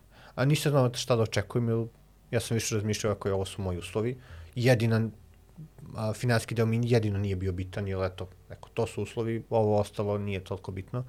Ovaj, ja sam već imao uspešnu igru sa druge strane. I ovaj, oni su odlučili da prihvate ovaj, te moje uslove i onda sam jednostavno video kao, ako su oni spremni ovo da prihvate, ok, ajde da dam šansu pa da vidim kako to može da funkcioniše, mm. ovaj, a, da vidim da li to može tako da se radi i ovaj, em, odlučio sam to da prihvatim. A, tako da faktički više oni su meni možda izašli u susret su prihvatili uslove. Imali su benefite što sam ja došao da pomognem u izgradnji svega toga. I ovaj, um, eto za nekih tri godine kog sam bio tamo uspeo smo da izgradimo studio od, dve, od 200 ljudi, skoro 200 ljudi, sad nešto manje da kažemo tu. Ovaj, o, tako da to bio ono jedan velik, veliki uspeh. Ovaj, kada sam ovaj, jednostavno došao tu, naravno, moja firma imala problema zbog toga, zato je igra trajala tri godine da se razvije dok ja nisam bio tu, jer Da, ostali da. ljudi, nisam mogu da se posvetim njima i da radim na tome, jer sam vodio Ubisoft, to je bilo, ajde da kažemo, primarno, ovaj, a, ali je jedno fenomenalno iskustvo jer sam video kako sve funkcioniše u korporacijama, što ja nisam imao to neko korporativno iskustvo, video sam šta znači ovaj, a, a, kad imaš support svih timova, kad se to dobro se lepo izgradi, ovaj, kad imaš uh, fenomenalno support timova, financija, HR-a, s jedne strane to su kao IT-a, kao i support timovi, a s druge strane opet imaš producente, uh, lidove, koje sve to lepo neka struktura koja je napravljena, ovaj, koja funkcioniše jako dobro. Ovaj, ja sam često postavio pitanje kako su mi došli do ovih stvari, kao odakle ovo i ono je suštini, to je neko 30-godišnje iskustvo Aha, to je to. Da. ovaj, koje, koje se skupljalo, menjali, iterirali su na tome i stvarno je bilo ovaj, jako lepo je za rad kad imaš tako kvalitetan tim ljudi, kad su jedna od te bitnih stvari su i soft skillovi koje ti gajiš u tome. Mi smo ponekad imali probleme i u Apexu i ostalim firmama, ovaj, znaš, fenomenalan je programer, znamo da nije možda cultural fit, ajde da ga zaposlimo, i to ti ponekad kvari neke stvari ili ne znam bilo koja osoba da je u Da, pitanju. da. Pa dobro, to je ono Ovde- zapošljavanje mladih ljudi koji tek dolaze sa fakulteta, koji nisu prošli kroz neki ono drill rada u, u, u zajednici. Da, ali opet i taj neki, ajde da kažemo, cultural fit gde ti, Plus mislim, to, ajde da, da kažemo, i da. soft skills i sve što je bitno za saradnju u timu, mm. ovaj, a, je nešto što se jako puno ceni i okred Ubisoft gde ti imaš taj people management još, gde možeš da radiš sa ljudima dosta, gde, znači, posvećuješ se njima i na njihovom developmentu, ovaj, gde to jako puno znači, jer time ljudi mnogo, mnogo da napreduju i stvarno svi ono, izuzetno brzo napreduju sve to. Fenomenalni tim ljudi je tamo kvalitetnih koji su i dalje tamo. Ovaj, I to je super, jer ti ponekad imaš neko ko je kida kako on možda napravi igre, ali on je možda više za indie neki stil. I njega ne vredi ubacivati u Ubisoft ili neki veći sistem, jer jednostavno on je sam, on funkcioniše kao jedinac koji fenomenalno radi, a recimo ovde imaš kao, učiš o tome kako se radi u timu, te zavisnosti komunikacija i stvarno to, to bilo super, pogotovo što recimo Ubisoft Studio radi dosta autonomno, jer ti nemaš centralu u HQ koji je u Parizu da ti kaže na čemu radiš. Moj zadatak, jedan od mojih poslova, da kažemo, pored, naravno, radom sa produkcijom, moj znači titul je bila Studio Production Manager, je bila da vodim produkciju, da opet radim i na zapošljavanju na svemu ostalom, ovaj, da se postavim da se projekti deliveruju, ali ujedno i da nađem nove projekte. Tako da, to je ono što je bio moj zadatak. Šta znači Ovaj, to? A, Mislim, e, izvini što... Da, da, da. Znači, postavljam pitanje zbog toga što znam da Ubisoft ima katalog svojih franšiza, igara, stvari koji, kako ti možda nađeš novi projekat. A, tako što svi projekti koji se rade, a, se rade u co-developmentu, rade više studija. Niko ne radi sam projekat, jer ponekad na početku projekta treba 100 ljudi, posle treba 1000, posle opet spadne na 200 možda Da, da, da. i ovaj, ti nemaš u jednom studiju tu mogućnost šta sad, e, aj zaposlimo 500 ljudi, pa ih sad otpustimo, pa ih zaposlimo ponovo. To, to, to. E, i onda taj sistem je rešen tako što ta imaš ti code development, gde neki studio osmisli projekat i on bude lead site, znači glavni koji vodi taj projekat. I onda on mora da nađe, znači zna koliko mu resursa treba, u smislu, je treba mi 500 programera, treba mi ne znam ovo, ovaj, treba mi ovo, to, ovo toliko ovoga, toliko onoga, ovo su nam feature to jest, ajde kažemo, mi to zovemo mandate, smo zvali, znači to su mandati na kojima radiš, a, nisu samo feature, jel kao sklop feature neki mandat bi bio, i to podeliš u više celina i onda gledaš, ok, mi kao lead site možemo ovo da uzmemo, ajde nađemo nekog ko može da radi ovo, ovo, ovo, ovo. I onda taj lead site traži s, kojim, s kim bi mogao da sarađuje a, od drugih studija. Um, tako da ja onda se obratim tom lead sajtu i pitam ih, hej ljudi, ajde vidimo, koje projekte imate vi, Uh, aha, imate to, koje mandate imate, ok, ovo, ajde da vidimo da li smo fit po nečemu, da li ja imam te resurse koje treba vama za taj projekat, ako imam, ok, dobro, ajde da vidimo, jel vi hoćete moje resurse ili nećete, ili da kažemo da li smo fit, da li ono se slažemo da radimo zajedno ili ne. Tako da, faktički uvek mora da se radi na tom traženju tih mandata da bi imali ljudi Izvim šta da rade. ali ka- ka- kad pomeneš lead site, to je znači neki nezavisan studio Neki ili šta studio god. u okviru Ubisoft Da. grupacije. Recimo, ajde, A, znači ali izvini, primer. to je u okviru Ubisoft Tako je. grupacije, znači studiji sa kojima oni inače sarađuju na raznim projektima, pa onda ti, ok, Ubisoft ima neki 50 studija Da, po da, da. celom svetu, Da. tako da sva, m, neki nemaju svoj projekat, neki imaju svoj projekat. Mm. Recimo, konkretno Ghost Recon Breakpoint je najveći projekat u okviru Ubisofta, lead site je bio ovaj, Paris. Uh, lead site za igru Steep je bio Annecy, znači isto u Francuskoj, Mhm. i za Riders Republic isto Annecy. Onda imamo recimo Rainbow Six Extraction koji je Montreal, pa onda imamo Skull and Bones koji je Singapur i tako dalje. Tako da ima različitih tu ovaj, A kako se, do, kako se dodeljuju ovaj, projekti lead site-om ili sami lead site-ovi bi, zidaju svoj projekat? Da, oni imaju više faza, projekti imaju više faza, da kažemo, ono, kada u, znaš ono, ovaj, kako u gamingu ono uvijek imaš neki conception, pa pre-production, production, Da. post-production, to je pre, preuzeto iz filmske produkcije u Da, suštini, taj neki template. I onda oni kad dođu do neke tačke, znači smisle neki projekat, pičuju ga uh, managementu, ako management to odobri, onda idu oni na sledeću tačku i tako od tačke do tačke, Ok, da kažemo, ok, ok, po projektu. ok, ok. Uvek može da se projekat canceluje. Da, da. Zato se projekti ne najavljuju unapred, jer ne znaš da će biti cancel, nešto nikad će izaći, ponekad se menja produkcija. Tako da, otprilike po tom Da, to je sistemu se radi. mogu da napravim paralelu sa mojim poslom u, ne znam, u, bankarstvu i telekomunikacijama, gde ja kao project manager sam faktički osmišljavao ne ja, nego svi mi koji smo Neko radili taj posao, smišljaš neku inicijativu, neki projekat koji treba da se radi, onda se to što kažeš pičuje, brani se pred Tako je. panelom. I onda se traže i resursi za dalji je, tako razvoj je, i da, tako da, dalje. da, da, Tako da, okej, otprilike to radi, to je taj neki, ajde da kažemo, interni biz dev ko, za koji sam ja bio zadužen, gde ovaj, um, je uh, bilo bitno. E sad, šta je tu problem bio? Bio bi u Beograd je bio nov studio. Niko ne zna za tebe. Mhm. I uglavnom rade oni s kojima su radili zajedno i pre. I sad Da. ti moraš da se proguraš tu kao neku vidljivost. Bukurešt je jedan od studija koji je pomagao da se gradi taj studij u Beogradu i onda recimo u početku su oni uzimali projekat koji su delili na Bukurešt i Beograd. I to je to bilo. E onda moje jedno od zadataka je bio, ajde da kažemo, mislim, ja sam i želeo to da uradim da što autonomni fu studio funkcioniše da bi um, mogli da se oslobodimo tog distribuiranog tima od Bukurešta, jer je bolje kad je cijel tim na jednom mestu. Ok, da budu autonomni mandati, da, Da, da. kažem, lakše za saradnju. Ovaj, I onda smo mi taj, to gradili, naš, našu reputaciju u okviru Beograda, smo stalno gradili, gradili, gradili, ovaj, da bi novi studiji znali. I recimo ti onda odradiš jedan projekat s Monrealom kroz Bukurešt, znači, ok, onda Monreal već zna za tebe. Pa onda sledeći, ajde da radimo mi sad sami s jednim delom, a onda drugi tim u Monrealu, pošto, ok, imaš nekog direktora koji zna ko je šta radivo, možete povežati s nekim drugim koji je projektom tamo, jer Monreal je studio koji ima 4000 ljudi, najveći Da, studio u svetu. da, da. Ovaj, game development. I ovaj, onda velika šansa da ti daju još nekog, s nekim da sarađuješ. I jedna od bitnih stvari je tu bila kolaboracija, što ti možeš da budeš što bolji kolaborator, da budeš što boljim odnosima sa tim drugim ljudima. Jer oni će ti dati sledeći projekat možda. Tako je, tako je. Ako si ti loš, oni više neće raditi sa tobom. I ako teško se oporaviš od toga, možda će nekom drugom reći, je, kakva je bila saradnja? Ju, Pričaju jedni s drugima. Ovako, Da, da. E, kakva ti je bila saradnja s ovima iz Beograda? A, pa nije bilo baš nešto. Nemaš šanse to. I šta se onda dešava? Onda ćeš morati da radiš možda na nekom projektu koji je slabijeg kvaliteta, jer možda neki lead site opet nema dobru reputaciju. Da, da, da. I onda smo se mi borili da imamo što bolje projekte i stvarno smo imali jako dobre projekte u okviru Beograda.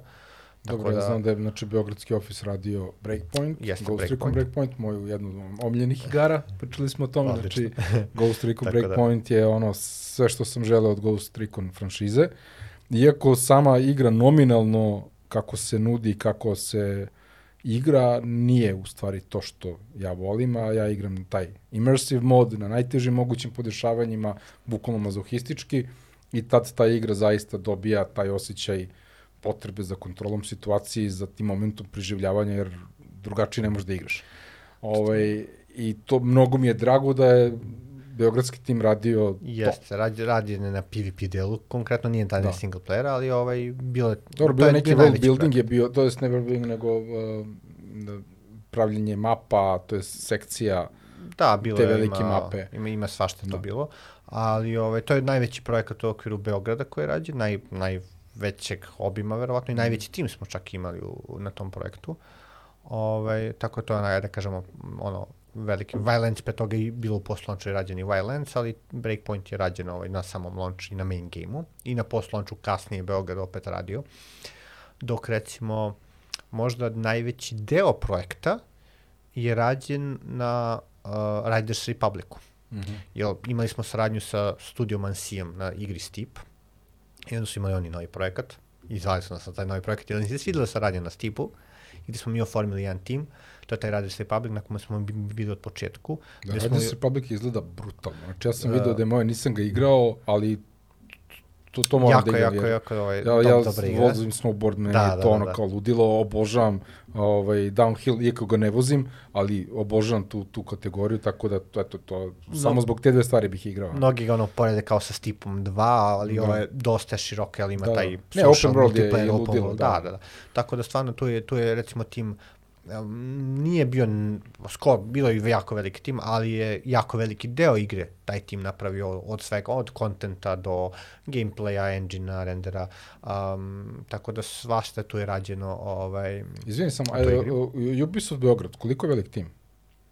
Red veličine, da, studio, da, pa mislim, Pa, e, kažem sad znam nekih, da on varira ajde sve vreme, ali... 180 ljudi sad možda. Da, otprilike I tako, koliko grubo. projekata, jel se uzima više projekata ili se A, radi samo na jednom? zavisi, naravno, zavisi kad nešto recimo se završi, onda se tu smanji taj tim, pa se uzme drugi projekat, pa se paralelno radi mnogo projekata. Mhm. Naravno, uvijek idealnije da se manji broj projekata radi, ali Da, da, ponekad da. je trebalo raditi veći broj. Recimo, konkretno nakon Breakpointa mi smo imali veliki tim koji smo trebali da prebacimo na ovaj projekt i onda su i ukazala prilika da radimo i nešto novo što, smo, što, se uka, što nam je jako pomoglo što se tiče visibility-a, a to su Stadia projekti. Tako da, Aha, za uređaj. Za Google Stadia. Hvala, Google. tako da smo radili porting nekih i to je, starih čekaj, projekata i to novih. je kao konzola Streaming. njihova. Znači, Ne, to ne, je aha. cloud streaming, znači Tako igraš tako je. jednostavno u brauzeru igraš igru koji radi fenomenalno, ovaj, koji je ubedljivo najbolja streaming platforma za igre, zato što je jednostavno ground up build, ono, za, za to je napravljeno, latency, znači bez problema možda igraš pucače na toj platformi, problem koji ta platforma ima je to što je to Linux i što koristi Vulkan kao rendering API, Mhm. a igre su Microsoft i DirectX.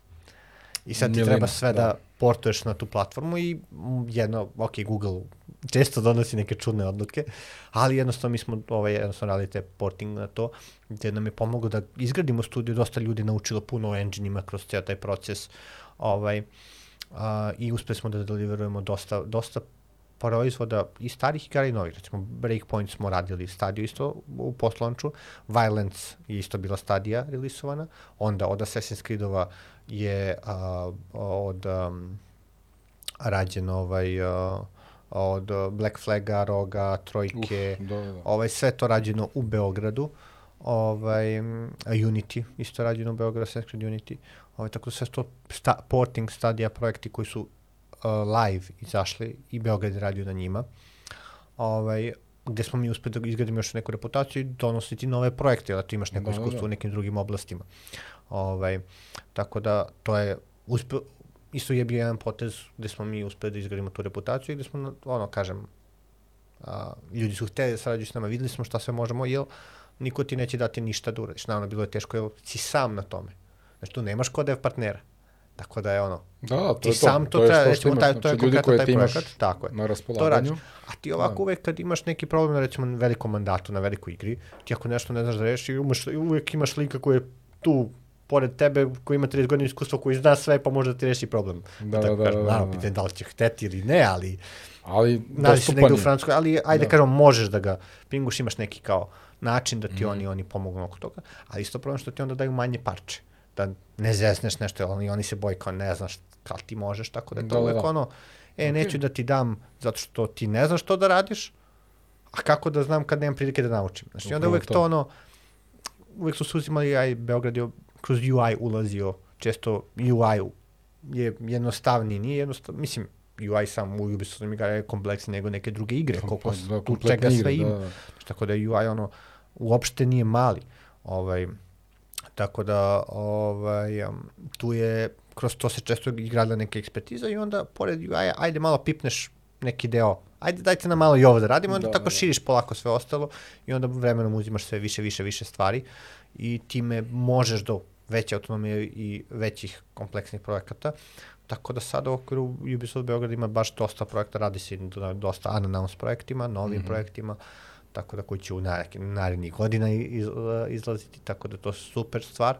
Ovaj, I stvarno mogu da kažem da je tu ovaj, recimo jedna stvari koja je onako jedna od bitnih stvari Ubisofta, taj work-life balance, što se gleda da jednostavno developeri ne pregore. Znači, Da, to ono što si dosta rekao da je to porodična firma, da kažeš. Pa možda i do toga što u je tom, to da. francuska porodična firma, pa se to isto gura. Ovaj, možda je to i pogrešna strategija, ne znamo, jer, ok, zato što možda je preveliki overhead, ali jednostavno vidim da je ljudima prijatno da rade u takvom A, okruženju. mislim, Ubisoft mislim da ima najveći broj super uspešnih franšiza. A po Pod IP-evima, da. pod jednom kapom. Da, pod, uh, najviše ima IP-eva od svih ostalih studija koji ono može da imaš kapitalizuje. Rainbow Six, imaš uh, uh, Ghost Recon, Assassin's Creed, uh, The Division, to su samo četiri franšize koje su mi sad Far prve Cry. Far Cry, da, mislim. Tako da ima tu gomila tih Da, da, to- franšiza. to je ono. lu- ludilo. Ok, ajde, Rayman je malo onako najstarija, da kažemo. Jeste, Rayman je validna igra, ja igram sa sinom to. Onda to imamo i od Ano, Settlers i to, i to je u to, okviru da, Ubisofta isto, tako tako, je, tako tako, da ima tu dosta ovaj, Da. različitih, ovaj, malo onako drugačijih strategija koje su i manje, pa onda ima, Prince ima, Persia, tako. Da, da, da, tako Da. je, tako je. Ovaj, um, ali, A, a kaži mi sad, ovaj, ti dobijaš ponudu za posao, ali ti dobijaš ponudu za posao u momentu kada u Beogradu ništa ne postoji od Ubisofta ili je već nešto postojala, bilo? postojala sistem ovde, a, bilo je, je, recimo, dosta ljudi je došlo iz Bukurešta na nekim misijama koji su pomagali da se setapuju ovaj, ti procesi, da se setapuje tim i to, tako da je već postojao studio, već je postojao neki Koliko proces. dugo bio to kad si došao? A, samo se setim, mislim Ne, da od veličine, 2000, ne, a, a studij postoje tad, pre toga, mislim, jedno tri godine, 2015. Mhm. Aha, dobro, znači već je postalo, postali Već je postojalo dve, tri godine. neko iskustvo, Tako je, ok, tako dobro. Postoje Dobro. neke iskustva, To mislim, bili su nisi neki ga ground up. Ne, ne, nije, Da, da, nije, nije od početka odlično. bilo. Nije od početka, tako što je mnogo olakšavajuće Da, da, da, da. već je bilo. Bilo samo pitanje Skaliranje, na više. naravno, naravno. I borbe za Ove, te upravo projekte, tako je, mandate, da... Jer to uglavnom je bilo po velikim vođstvom Bukurešta Mm. i ovaj, to je ono što, što je telo da se ide ka autonomnijem studiju i ovaj, tako da sad je studio već autonomno skoro sve, jer kad sam ja došao, recimo, dosta procesa, tu nije bilo, ovaj, za recimo, ha, sam hiring, um, ni, da bi neko ocenio kako je neko artist, on mora da ima iskusnijeg artista koji nije bio u Beogradu, već je lead artista, već je u Bukureštu. Da, da, da. I onda samo za programming mislim da je u tom trenutku bio neko u Beogradu koji je mogao da uh, ocenjuje oceni, hiring da. te, da kažemo, Mm. ljude. Tako da, ajde kažem, kad sam ja odlazio, sve pozicije koje smo imali, uh, koje smo zapošljavali tada, sve smo mogli da radimo lokalno, Lokalno, u okviru Beograda, jer smo, smo za to vreme izgradili i lead artiste, lead um, level dizajnere, um, lead UI artiste i tako da, tako da sve te pozicije koje nismo imali smo uspeli da izgradimo, ovaj, to neko znanje, jer ovaj, jednostavno da bi se došao na neki nivo, opet ima neki zahtevi koji se moraju ispuniti, jer opet Ubisoft na globalu, ako je neko lead u Beogradu, on možda bude lead u Monrealu, ovaj, uvek se gleda da se to izbalansira. ovaj, da bude što lakše ako neko želi da pređe iz jednog studija u drugi, da te pozicije budu što približne tome.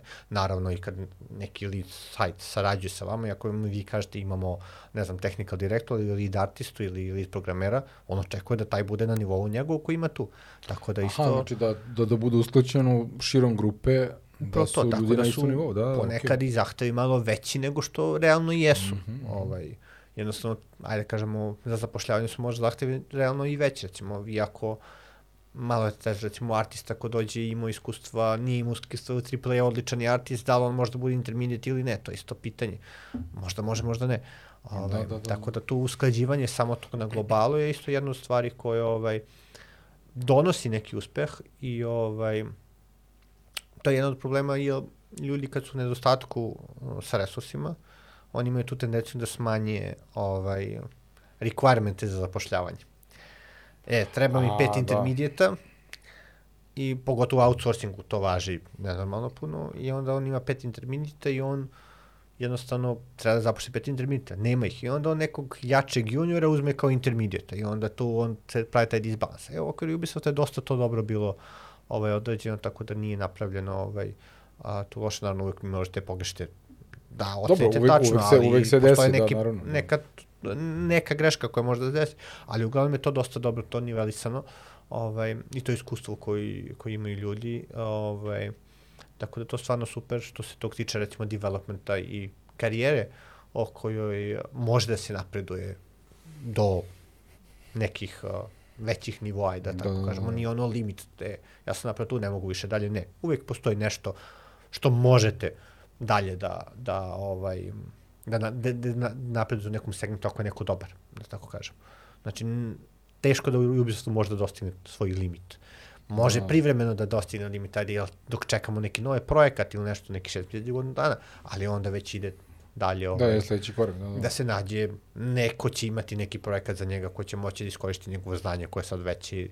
Tako da to je ono što je super, ajde kažemo, za taj napredak u karijeri, jer je to neki korak koji je ono bitan ljudima, taj development, da mogu da vide kako oni da se razvijaju. Da, to znanje koje se dobio stvarno vrhunsko, evo, kažem, sarađujete s ljudima koji su po 30 godina u industriji i više, i ono, mislim, mi u Srbiji nemamo developere koje su ono u penziji, da tako pa, kažemo. Da, da, da, Teško da, da imamo prilike da upoznamo neko tako. Onda kad upoznamo te ljude, stvarno je fascinantno vidjeti kako su oni dalje u game developmentu. Da, da, da, da. I možda tu i dalje, zato što taj, aj kažemo, work-life balance koji Ubisoft um, gaji, je jednostavno ovaj, doprineo tome da vi možete da izdržite.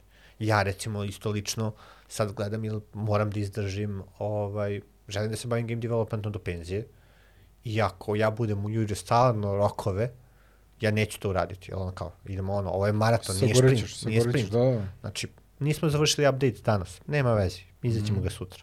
Nećemo Naravno. ostati do 12.1 uveče. Pogotovo što ja imam taj luksuz, da, da kažem, sad, sad već to mogu da radim. Da, da. da. Tako da, isto ta planiranja u samo okru Ubisofta, uvek imati project manager i to koji to prate, jednostavno morate da bude relativni da li nešto može završiti na vreme ili ne. Ako ne može, ajde da ga se sećemo ili ajde da nešto uradimo povodom tog pitanja. Da li će doprinjeti da stavimo još ljudi ili ne. Tako da uvek da, da ne bi došli do pregorevanja. Zašto bi nekog čoveka gurno da radi overtime ako možemo da zaposlimo nekog drugog ili sa drugog projekta uzmemo ili tako, tako. tako nešto, da, da izbalansiramo resursi.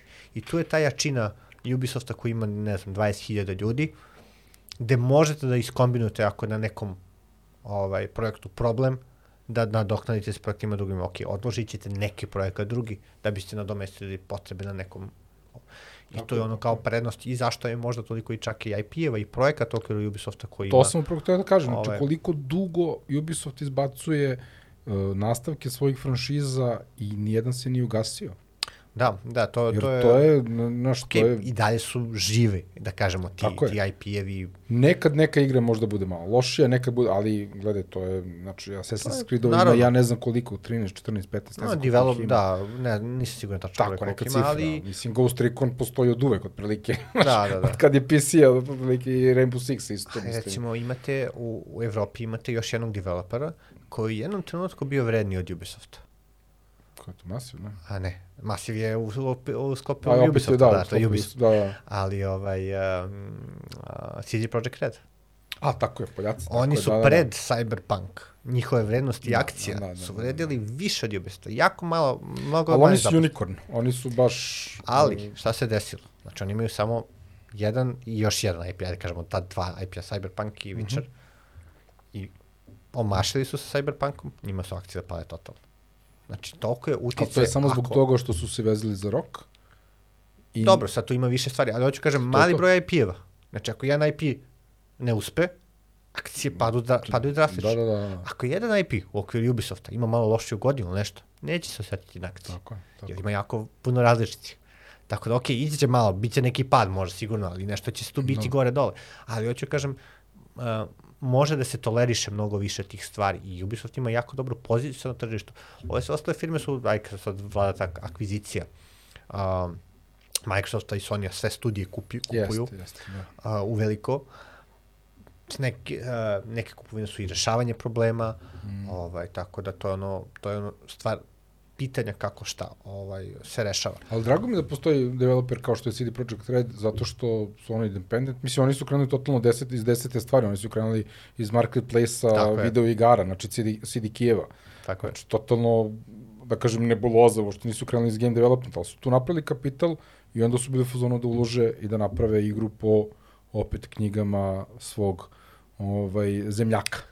To, znaš, iskoristili su to i na jako dobar način. To je I ludilo. Oni su recimo Mislim, imali... prvi Vri- Witcher igra nije toliko dobra. Odlična priča, ali gameplay uh, prilično klanki to. To je- Druga je bolja, a treća je remake dela, zaista. Prvo to je ono što možda neki dosta developera ne shvata da kad pravite igre morate da učite jedan, drugi, treći. Mm. Kao što sam rekao, ova prva igra što mi napravili nije najbolja. Ima dosta grešaka. Da. Mi smo izbacili na tržište, to što smo izbacili na tržište, to je katastrofa bilo. Svesni smo mi toga. Uh, idemo dalje, napredujemo, radimo dalje. Tako da, ako mi čekamo da savršen, napravimo savršen proizvod, ne, to ne. nema šanse. Previše ćemo kasno biti na tržištu. Moramo da izbacimo. Aj, sad isto pitanje za of Clans. Da li da dodajemo još restorana, da li ne, da li se isplati to? E, ajde da napravimo novi projekat, pa ovaj gotov je, završili smo s njim. Znaš, Tako je, ne tako sme je, emocije tako je. da nas tu... I te, tako je možda i uspeh Witchera bio. Imamo jednu igru. Ok, naučili smo da pravimo igru. Dobro. Da, pretočili smo neko literalno delo u gameplay. Napravili smo igru u Poljskoj. To je Da. sam to Hej, fascinantno. Ok. Drugi. Napravili smo igru koja može neko da igra. Ok, I onda treće već ono. Da, priča. treći Tako su da, masterovali. to je da. taj... Ali meni je fan, fantastično što su oni, uh, oni su pauzirali Witcher seriju da bi napravili Cyberpunk. Cyberpunk koji je napravljen od nule, znači ne postoji Tako. IP, to je izgrađen IP od nule. I veliki respekt za to, ja sam igru kupio day one, znači 10. decembra 2020.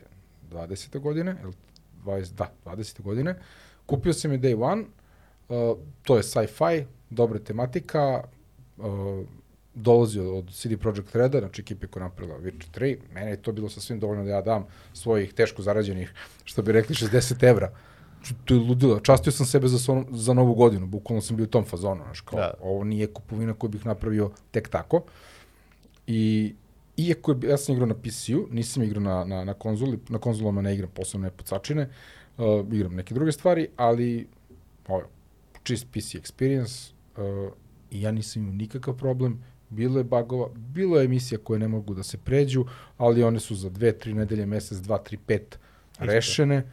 Uh, ta igra je meni od prvog momenta bila fantastična, sad drugo je to opšte stanje internet community i potrebe ljudi da šituju po nekim projektima i sa punim pravom, posebno za konzolaše, jer su zaista imali su prilično neigrivu igru, ali a, upravo to, oni su samo na, napravili su sebi jako veliki pritisak, jer su shareholderima rekli datum i podrazumeva se moraš da daš datum neki, ali su bili ambiciozni.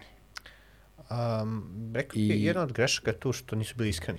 Da, Da da, kažemo, jel, eno, to u Ub- Ubisoftu ti mora da znaš kad šta možeš da uradiš. Da, Uvijek da. imaš ti pritisak i menadžmenta da se to tad deliveruje, ali tim je taj koji mora da stoji čvrsto. E, ljudi, nećemo do tada uspeti to. da. Ne, možda, Ili- ne, možda neko namrštio obravu kad su mu rekli bit će 2022. A, dobro, bit će 21. Dobro, bit će 20. Šta god Mi da tu je, imamo ali... tendenciju da oversellujemo ponekad nešto, ili tako, Tako je, sve, tako, bez potrebe. kako je, super je, sve je odlično, mm. savršeno super. Mislim, ja sam isto i malo bio takav, mogu kažem, uvek Pa svi mi želimo. takvi, da. Ali recimo, to je ono možda što sam ja i u okviru Ubisofta malo naučio, da malo pažljivije gledam na stvari, da sam vidio da tako treba da se radi. Da. Da kad praviš planove, moraš to realnije planove da. Ako nešto ne valja, kaži da ne valja. Da, da. Znači to ono, moramo da budemo iskreni ka tome, jer samo tako dolazimo do ovaj, Da, jedno, jedno od mojih Do- formativnih isku- iskustava upravo na tu temu je bilo kad sam prešao ovaj, u u jedan domaći startup, u kompaniju, uh, i došao sam da pustimo proizvod u drugoj zemlji. Znači, isto to što postoji u Srbiji, da ne bi radili uh, uh, redesign, znači refactoring kompletno vizuelno i mm, u koda, samog koda, da lokalnu aplikaciju koja funkcioniše, koja radi sad na lokalnom tržištu, da ne bi sad nju dirali, oni su bili fazonu neka je tako kakva jeste, ali mi hoćemo da mo- modernizujemo interfejs i način rada, ajde da napravimo novo, sve od nule, i da ga plasiramo na strano tržište. I ja sam došao da mi taj projekat izvedemo za tri meseca, I onda taj prvi, prvi inicijalni razgovor sa, sa uh, vlasnikom je bio, uh, ja sam naravno došao kao product owner, i kao, e, hoćemo da, znači, da ova nova bude faktički kao Facebook, ali da ima elemente LinkedIna i Booking.com-a. Rekao, to, ok, kad? Pa kao, ja, ja dolazim 15. maja, uh, 1. avgusta da relisujemo. Pa tako, ima nešto napravljeno. Ne, ne, kao, sad kreće. Ja tu rekao, izvinim, to, to nije realno, mislim, kako misliš da imaš kombinaciju Bookinga, LinkedIna i Facebooka, platforme koje koštuju milijarde i koje su razvijane decenijama, mislim, nemoguće.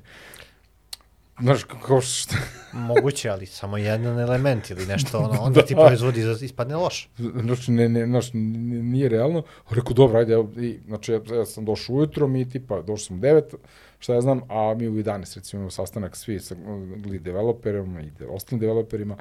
Ja sad tu poznajem lead, lead developera i on sad sedamo svi na sastanak i ovi vlasnik, dva vlasnika, i kao kad možemo, možemo kao 1. augusta. Znaš, odgovor ovog lika, ne. Samo je bilo to. Ja vikao, pa kako ne? Pa ne. ne može, nije realno. To, to. Ne, onda sam bio u fazonu, ok, ajde da definišemo MVP. Šta je MVP? Šta možemo Šta da pustimo može da možemo da je. naplatimo? Nije mi bilo bitno da krenu da naplaćuju nešto da bi pokrili te troške, plus ima neku rundu investicija iz nekog fonda i kao hoće da se što pre reše fonda, ne, ne, to je ra- razna neka matematika. Rekao, ljudi, morate da, dajmo, dajmo tri opcije. Tri opcije koje možemo da naplatimo, ne, ne treba više. Dizajn će biti lep, bit će upeglan, ali ne možeš da praviš Facebook, Booking i LinkedIn To- odjedno, mislim. to Znaš, ali to je upravo to što je taj lead developer, ja sam nekako bio u fazonu, tek sam došao na posao, rekao, brate, kako da im kažem da nije moguće, znaš, kao je... I ovaj dečko kao, ne, ne, ne može, ne može. To je kod igara kad se pravi igra, uglavnom je ono kao, ok, osmisli se šta igra, ovo igra, to je, to je ono što hoćemo da bude igra, ogromna skopa. Za pet godina. Ok, hoćemo da je uradimo za tri, za tri godine, ok, onda dođe pa se proceni, aha, dobro, e, ovo je realno što može se uradi, znači ma nešto manje od toga, Mhm. dobro, to je realno, a ono što se na kraju uradi još malo manje od toga, jer možda se sećaš, jer ka, uglavnom kasniš. Da, da, da, da. I uglavnom, ti igru praviš tako što napraviš široko i onda samo sečeš, sečeš, sečeš i elementi Da. koje sečeš. Tako to je ono što je, ja sam dobar, nije dobar, nego neki normalan tok produkcije. Da. E sad, ponekad možeš, je pitanje kad ti sečeš, da li su ti elementi koji si isekao nešto što možda želiš da daš uz postanču, ili možda ne doprinose uopšte. Uopšte ne treba ovaj, više, da. Možda su preskupi ne doprinose mm. igri uopšte. Ili bottom line, da, čemu Nešto, god. tako Da. uvek ima taj balans. Mm. Ili možda, e, nećemo ovo se sečemo, ali ajde da delejujemo igru. Znači, to je ono što smo videli sada posle Cyberpunka, što su svi radili. Da. Svi su delali igre, zašto? Da se Cyberpunk nije desilo, svi bi izdali igre dalje i ubacili bi to u poslovniču. E sad više ne može to da se radi, sad već idemo delay igara, Da. jer su skapirali da im je jeftini da delayu nego da, Nego da im padne akcija, brate. nego da im padne akcija, da padne prodaja Da. i tako da to je ono što, što, što je izuzetno bitno, jel? A, Ali mora- dobro, i da Cyberpunk je oko cele te priče napravio jako veliki hype. Tako da... Upravo to. i Problem je ima. šta se prode igračima. Mhm. Mm. Recimo, Ubisoft je jedan od konzervativnih i uvek mm, underselluje sve stvari da ne bi Mhm. ljudi previše očekivali. Da. Pre Cyberpunka je bio ovaj No Man's Sky, gde su ljudi Ojoj, obećavali i to je bio prvi onako veliki fail, koje, Mhm. gde su na pitanje da li igra ima multiplayer, odgovorili sa, pa toliki je prostor da vi ne bi mogli da se nađete. Nije rekao da i ne. I desilo se da su se stvarno, pošto stvarno je toliko ogroman program da teško možete naći, desilo se sasvim slučajno da su se lika našla i vidjela da nema multiplayer. I šta sad? Nije rekao da nema multiplayer. Da, da, da. da. I onda više to marketinčki prodavana priča. E, i onda su igrači namerno probali da vide da sve to što je izlistano, nađu da vide da li je tako ili ne. Šta radi, da, šta I onda ne su to glasni igrači. E, I zato je sad komunicira mnogo manje nego što bi inače možda. Tako da Ubisoft sad uvijek komunicira mnogo, mnogo manje i što je ok, ispravno da ne bi pravio neki hype oko svega toga. Tako da, da, sad je to, ajde, ne znam da ispravna strategija ili ne, ne mogu da kažem s te marketinške Ne- strane. ja gledam ali je okej da budeš iskren, okej da budeš iskren šta Da. imaš, šta nemaš. E sad, ti ako ne znaš da li će taj feature da kraju da uđe u produkciju ili ne, ne treba, znaš, jel onda ćeš doći u, u situaciju, e, ne možemo da katujemo taj feature jer je marketing rekao da će biti tamo. Znači, Da. to je ono problem. I Da, onda da, da. do toga, ne može se katuje, loš je, e, mora da ga izbacimo. Tako da to je ono što je sad ovaj, jednostavno što se sad dešava i što su sve igre dilejovane, dilejovane, dilejovane. Ovaj, non stop se dilejuju. Um, vidjet ćemo kako će u budućnosti biti, verovatno niko više neće najavljivati release date, pa, pa će samo da se pojave na da, storu. Da, da, da, da. Tako da, Ili će da ga preteraju i da daju, da daju vremena sebi jednostavno.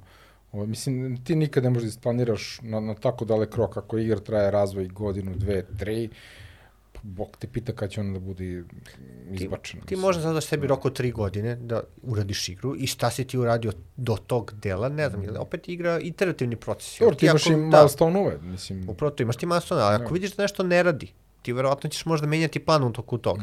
Znači, ako ideš po onom Planovi su tu da se menjaju. Upravo to. Ako imaš taj waterfall sistem, sve smo isplanirali, napravimo Ne, to ne godine, sve postoji, to, to ne postoji, da.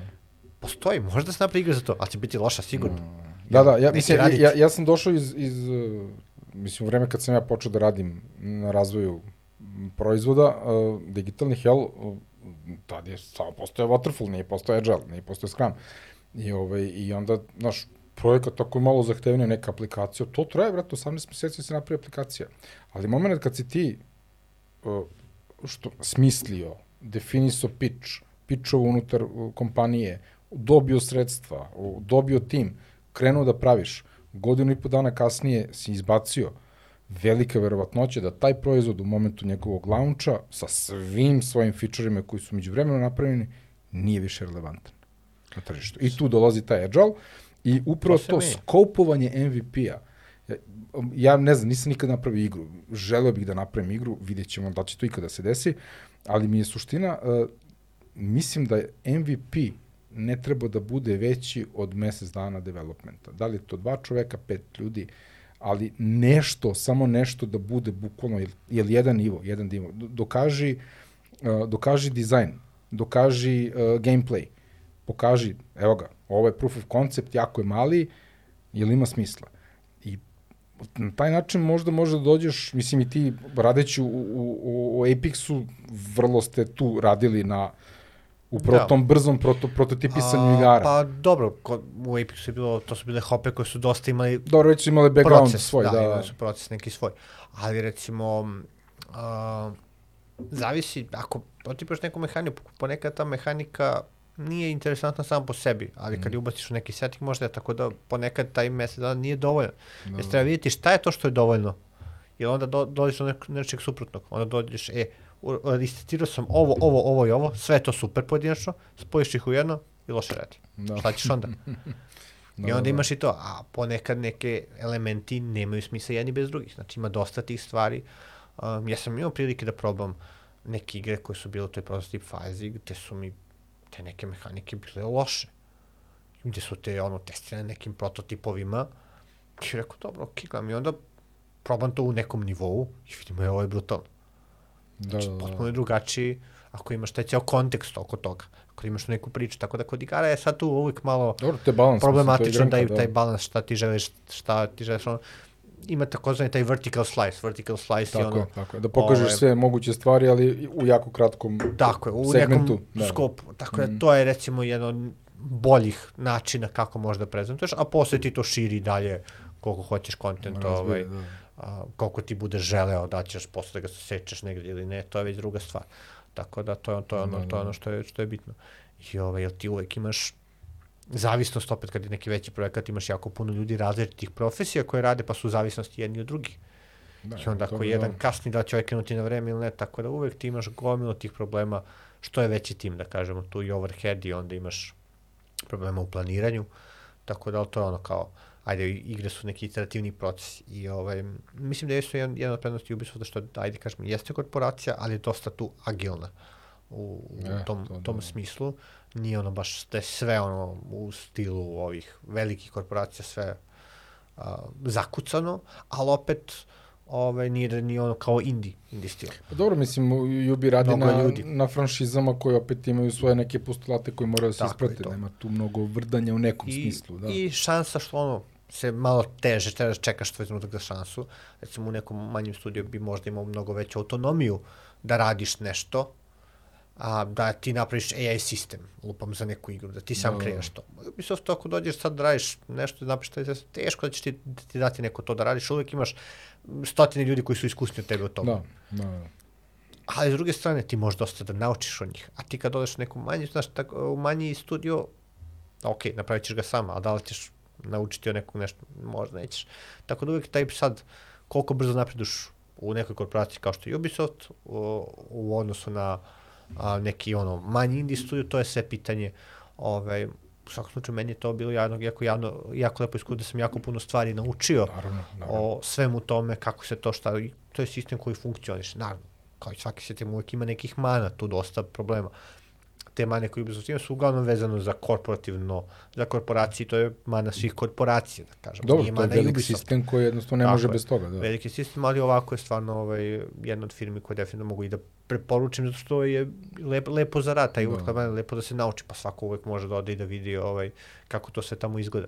Jasno, ja, um, meni je problem bio ono, moja firma i sve to, tako da razlog zbog sam ja bio, više razloga je bilo, ali jednostavno um, morao sam se posvetim i mojoj firmi i ono, Da, koliko si dugo bio ti u Ubisoftu? Tri godine.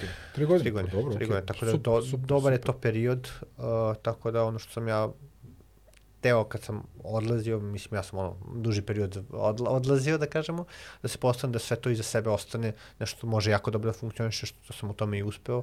Mislim, lično mislim da sam uspeo, vidjet ćemo da, da, da, Da, da, da. Ja stvarno mislim da su kvali- kvalitetni ljudi na, na dobrim pozicijama izgrađeni tamo, ovaj, koji će moći da studiju još dalje unapređuju i više nego ovo što sam ja uspeo. Tako da ovaj um, definitivno je to nešto što će ono um, je dobra, dobra pozicija studija trenutno gde on ima jako puno kolaboratora kod dev studija s kojim sarađuje, reputacija studija je dobra, tako da je to super. Ujedno i za Srbiju je dobro što dosta kadrova se edukuje. Ubisoft je, ok, imao je dosta ljudi koji su i otišli iz Ubisofta. Pa ali dobro, okej, da. ono što mene raduje je što jako puno ljudi je ostalo u gamingu od tih koji je otišlo. Aha, okej. To je ono što Dobili isto- su iskustvo, otišli Tako, su ti kad imaš da ga primenjuju. takve ovaj, neki jak studio koji je tu, To su- generiše ti ljude koji su u gamingu i dalje ostaju, To, tako da sad to. Ti dobijaš iskustvo, bukvalno kroz velike studije gradiš domaću scenu, realno. upravo to. Jer ljudi su dosta, dosta negativno gledali, a, došao Take-Two, a, došao Epic, a, došao Ubisoft. Pa, Dobit ćemo ali neko iskustvo i ono, ajde, ćemo nešto iz toga. da si me pre jedno pet godina pitao da li bi se ja zaposlio u Ubisoftu da kao na početku karijere, rekao bi ti ne, ne bi se zaposlio. Da, tebi ne treba ono stavku u CV-u, radio sam u Ubisoftu, jer Ne, nego, jednostavno ajde ti imaš pre- svoj projekat. Pre ono. pet godina dok nisam video Da. kako to funkcioniše. Mm. Sad kad sam video kako to izgleda, mogu samo da preporučim nek dođu, nek probaju, nek vide kako je. Jako puno može da se nauči, ali onda moraju da budu svesni da onda treba da grabe za tim znanjem tu. Da, Da, ne možeš onda da, da. sediš i pasivno čekaš da ti neko... Se da, znači koliko se opet zavisi od te individue, kao što i u svakom poslu. Ali stvarno ima prilika da se radi sa ljudima koji su jako iskusni i koji su jako dugi niz godina u tome i da se i nauči dosta od njih. Ovaj, I kažem opet, nije nešto da, što će te pregoreti, jer problem game developmenta, ajde da kažemo tih ljudi koji su davno još i radili u tome, je to bilo pregorevanje, jer crunch je nešto što se vezivalo za game development. Da, to se podrazumevalo. Da. I onda ovaj, ti ono jednom trenutku odustaneš od svega toga i kažeš, e, idem da radim za banku za veću platu kao programer Da, u pet kući i i u pet idem kući i kraj. Da, Jednostavno nema nećeš kranča, nema ničega. Da. da. Znaš, jednostavno nećeš više to da, da radiš. Eto. To je vidiš. Dobro, Cyberpunk je imao to ozbiljan neki kranč, Tako je, koliko, tako. dva meseca ima i Jeste, tako nešto. Oni su baš imali jako nenormalno, problem. Da. da. I Tako, to je nešto što ja mislim da je sad u industriji, generalno u Srbiji, dosta dobro sad. Da smo mi što tog kranča tiče, ok. I da nemamo taj problem i da sad ti ljudi koji su nama u industriji, u svim studijama, ne samo Ubisoft, svi playeri, to je Apex, Player X sada, i Madhead, i Nordeus, i imamo i tu Desperados, imamo mm. tih studija, ovaj, da je na nekom nivou koji je okej okay, i gde ljudi će ostati i dalje u gaming industriji, što ja, da kažem, meni jedna od bitna stvari je da bez veze da nekog edukujemo pet godina je bio gaming i onda do neki drugi sektor. Da. Znači, jednostavno volao bi da svi Da, ljudi da, ostanu da, tu, da, da. ostanu u gamingu, imaće benefita, da iskrede neke nove studije. Kožda možda za pet godina odem i ja se zaposlim neko ko je radio kod mene. Zašto da ne? Nije to nikakav problem. to je u inostranstvu normalno. Tako je. Jednostavno, dosta mi je vođenja firme, neću Ne time se bavim. tako Hoću da tako radim je. nešto kao običan programer u nekoj firmi, zašto ne? Da, da. Mislim, ja znam ljude koji su bili tim lidovi, eh, dev menadžeri, sistem arhitekta, koji jednostavno nisu želeli taj level stresa, vođenja, menadžmenta, samo su se Jasno. vratili u svoje u development branšu i role. to je, kod to nas još uvijek to okej. smatra možda nekim neuspehom. Nije to neuspeh, to je Nije jednostavno uspeh, šta nego- ali želiš. to, to je, ja čak mislim da to je jako veliki uspeh uh, savlađivanja ličnog ega Tako i je. definisanja onoga šta je tebi prioritet i gde je tebi komfort zona. To je, to je Jednostavno ne mora non stop da se naprede. Postoje ljudi koji su non stop celu karijeru u jednoj horizontali. Neće da odu gore. Jednostavno ne žele da odu gore. grade su ekspertizi koji znaju. Tako je. Tako, to je ono što je super. To, eksperti, Tako da, to da. I ovaj, jednostavno, ponekad je greška što lidovi, ti neko guraš na te neke pozicije da bude lead, a to je ono, zato da bi bio lead. Da. I ovaj, to je ono što je problem. Jer kao, e, nemamo lead, ajde, ko je, ko je, ko je iz ovog tima, ajde, on nek bude lead. I to je ono što recimo, problem dosta često u gaming industriji kod nas u Srbiji bio pre. Sad je manje, naučili smo svi mi da to radimo kako treba. Da, da, da. Kažem, u Ubisoftu je postoje taj sistem koji je bio dobar, Da, on je gde se gleda da. ne treba li da bude najbolji programer. U Ubisoftu čak a, lidovi ponekad i nisu C++ programeri, iako menadžuju C++ programere. Pa da, i lidovi da- realno po, po prirodi pozicije su pozicije koje najmanje rade developmenta. Tako je. Jer nema vremena za development. I oni su predstavljali, jer znaju taj people, imaju taj people Imaju skills. people skills, imaju znanje, znači suština je da oni podele svoje znanje sa ljudima koji rade na projektima, znači da ih usmere, da, da urade neki code check, nešto da urade. Code znači, review, tako code je, da, review, da, i da im pomognu i oko njihovom self-developmentu, tako, Tako, to, dalje. to, to, to. Tako da oni Guidance, sve te neke imaju iskustvo u programiranju, možda drugoj branši, tako da Mhm. sve to ovaj, upitno. I tako da taj, um, ajde kažemo, leadership je nešto što ajde kažem, leadership i možda middle management, nešto u Srbiji se tek gradi sada a, i te korporacije inostrane je, će uspeti da nam malo to znanje um, ajde kažem, unaprede koje mi imamo. Pa da, Ovaj, dobro, mislim, one su donele znanje, donele su praksu, donesle su procedure, način rada, zaista to treba da se iskoristi. Tako mislim, je. i, I tvoj pogled na to mi se baš sviđa zato što je vrlo onako realan, mislim, nema. I ono, svi mi, aj, ajde kažemo, e, mi smo indie developeri, pravimo igre, ne znam ja šta, kako, ko sebe definiše, Da. neću da imam neke procedure, neću ovo. Ja sam vidio benefite te procedure koje su. Znam kako je kad nemaš procedure i kako je kad imaš. Da, da. Procedure nisu ono neke bankarske, ne znam ni ja šta. Ti ih prilagodiš tebi. Da, da. Benefit toga je ne da bi nešto popunjavao neki report ili nešto. Ne, nego da ima neki ovaj value, da pratiš možda neku metriku, da ima neku svrhu to. I onda, kad ti imaš takav sistem, e, onda vidiš da možeš da napreduješ kako treba. Da, da. Jer često ono, Ali to je, to, to je, šta je taj- performance review kod nas? Znači ti nemaš ni ono kao većina firmi ne, ne radi performance review uopšte, niti kako treba. Ja, ne setuju Znači- KPI-eve, ne, ne setuju gde je tvoj learning path, gde je tvoj development path, gde, Tako je. uh, znači KPI-evi i definisanje ciljeva i to, performance review, nije tu da bi te uh, potopio, nego da ako nisi napredovao, napredovao kako si mislio da treba, da napreduješ sledeći put bolje. I Ili ovaj- već da, znaš, da se vidi gde si, šta si. Kako da napreduješ uopšte ako ne znaš gde si trenutno? Kako da znaš da li si ti uopšte napredovao? Ako je, ne znaš gde si sad trenutno. Ne znaš, da. I onda ti, ok, proceniš gde si sad, ok, sledeće godine, ajde vidimo gde sam sad ponovo, i onda vidiš razliku, i onda to može i tebi da bude motivacija, e, vidi koliko sam napredovao. Ako Da, ti da. nemaš te metrike nikakve, to je onda problem. E sad, Evo, kompanija u kojoj radim uh, trenutno ovaj, ima jako, jako dobar taj, realno možda najbolji do sad koji sam video način tog uh, developmenta ljudi. Oni za svaku poziciju postoji ogroman, mislim ogroman, veliki set stvari koje ti možeš da izabereš kao uh, neku, neki uh, development path. I svako od tih kategorija je definisana sa ono, ocenom od 0 do 4. Ili ne od 0 do 3. Znači imaš četiri stavke. That's it. I vrlo je jednostavno, vrlo je jednostavno opisano gde si ti kad si na nuli, gde si ti na, kad si na da, da, trojici. koje su očekivanja, da. Reci gde si i reci gde hoćeš da dođeš.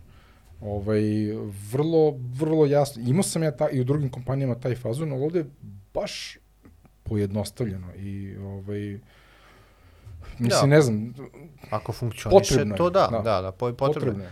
Ovaj, sam problem je što smo ono, mi game, game developeri, da kažemo, svi smatramo, nećemo se, um, bakćemo sa birokratijom, nećemo... Neću ripote, rutinu, neću, neću proceduru, ovo, da. Ja sam kreativan čovek koji hoće se to da radi, ok, jeste, ali ponekad moramo da bi bolje funkcionisali, ne možemo sve ono haotično da radimo. Moramo da imamo opet neku vrstu i project trackinga i ja. Da. merenje metrika i svega toga, tako da to je ono što, Mora da postoji ajde proces. kažemo, vidim sad sve u boljem, boljem stanju, ovaj, a, u, na tržištu, ali to je nešto što smo mi bili, jedno, jedno od problema koje smo imali, ali smo ove firme, svi koji smo mi izgrađivali kao, um, kao osnivači, mi nismo imali to korporativno iskustvo, nikad nismo znali kako se to radi u drugim firmama. Mm. I onda je možda i to problem, jedan od problema što ti um, nisi vidio kako se to radi, onda to se dosta ad hoc radi, dosta se tu nemaš to iskustvo. I to je recimo nešto što ti daju te inostrane firme, velike just, korporacije, just. mogu da ti to prenesu iz to iskustvo. Da su negde, negde to imaju neki benefite. I sad imaš balans da. i da ne budeš samo da imaš korporacije, jer to je isto loše, da imaš i balans i korporacije, i developer, i mobile, i svega da bude ono kako raspoređen kako treba. I onda ćemo tek ono, ovaj, imati priliku da što više rastemo, a kažem, sad već vidim da već imamo dobar balans od svega po, pomalo i imamo, ja mislim, uspeh u svakom segmentu imamo uspeh. Od mobile igara do, ajde kažemo, i VR sada, i, jeste. Ovaj, i premium igara, Steam igara, na svim platformama imamo nekog uspeha i ti sad ako hoćeš da kreneš da praviš svoju igru, lako ćeš naći čoveka koji je imao nekog iskustva koga možeš da pitaš nešto iz te oblasti koje ti praviš igru, ajde da kažemo da. tako nešto. Tako da što je to stvarno super. Dobro, cima ću ti kad budem pravi VR igru. Naravno. o, ovaj, ali super je za, da. kažemo, za klinci ovi koji počinju mm -hmm, tek sada, jeste. da oni vide da imaju šansu da, da uče i da ovaj, mogu time da se bave, jer to je nešto što, recimo, ako kažu roditeljima ja želim da pravim igre od toga zarađujem, roditelji im neće dati podršku. I onda ako mi pričamo malo o tome više, onda ćemo uspeti u tome. Da, da. Sad je ono IT hot topic, pa svi bi želeli da upišu IT, ali ovaj, malo i to pogrešno da guramo sve u tome. Ono, tako, da, tako, da, da se forsiraju to, da u IT-u su najveće plate. Pa dobro, to je ponuda i potražnje. To je sve sad toga. To je, da, sad su mi, ja, ja se sećam ovaj, ko klinac, ono, bile fazno, kao upiši skandinavske jezike, to je, ne, upiši kineski, to će biti, preko, na, na osnovu čega vi odlučujete koji su jezici sada dobri, koji će biti validni, pet godina kasnije, mislim, kada ja završim mm. fakultet, znaš, kao, uzmi ovo, znaš, vrat. Što kaže ovaj... Deset... Neko sam otišao na IT, to, da, da. tako da. da, to, tako da odlično. Da, da. Ovaj, tako što kaže ovaj deset naj, uh, od deset, ne znam, najtraženijih uh, pozicija, trenutno osam ili devet nisu postojali pre par godina, tako, tako nešto ima. Tako je, tako je, tako Jer to kao nije postojao, ti nisi mogo se školeš za to.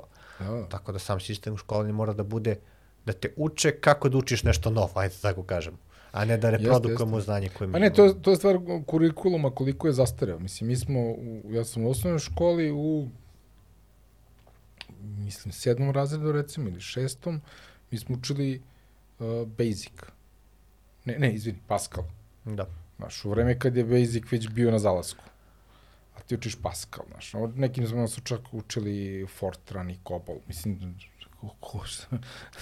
to jest, to je sad... Znaš, baš je onako, na, nažalost, naš obrazovni sistem kaska za realnim vremenom.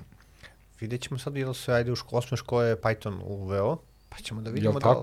Eto, da, li, odlično. da li je to neki potez koji je dobar u tom smeru sad. Opet je problem kadra koji je tu.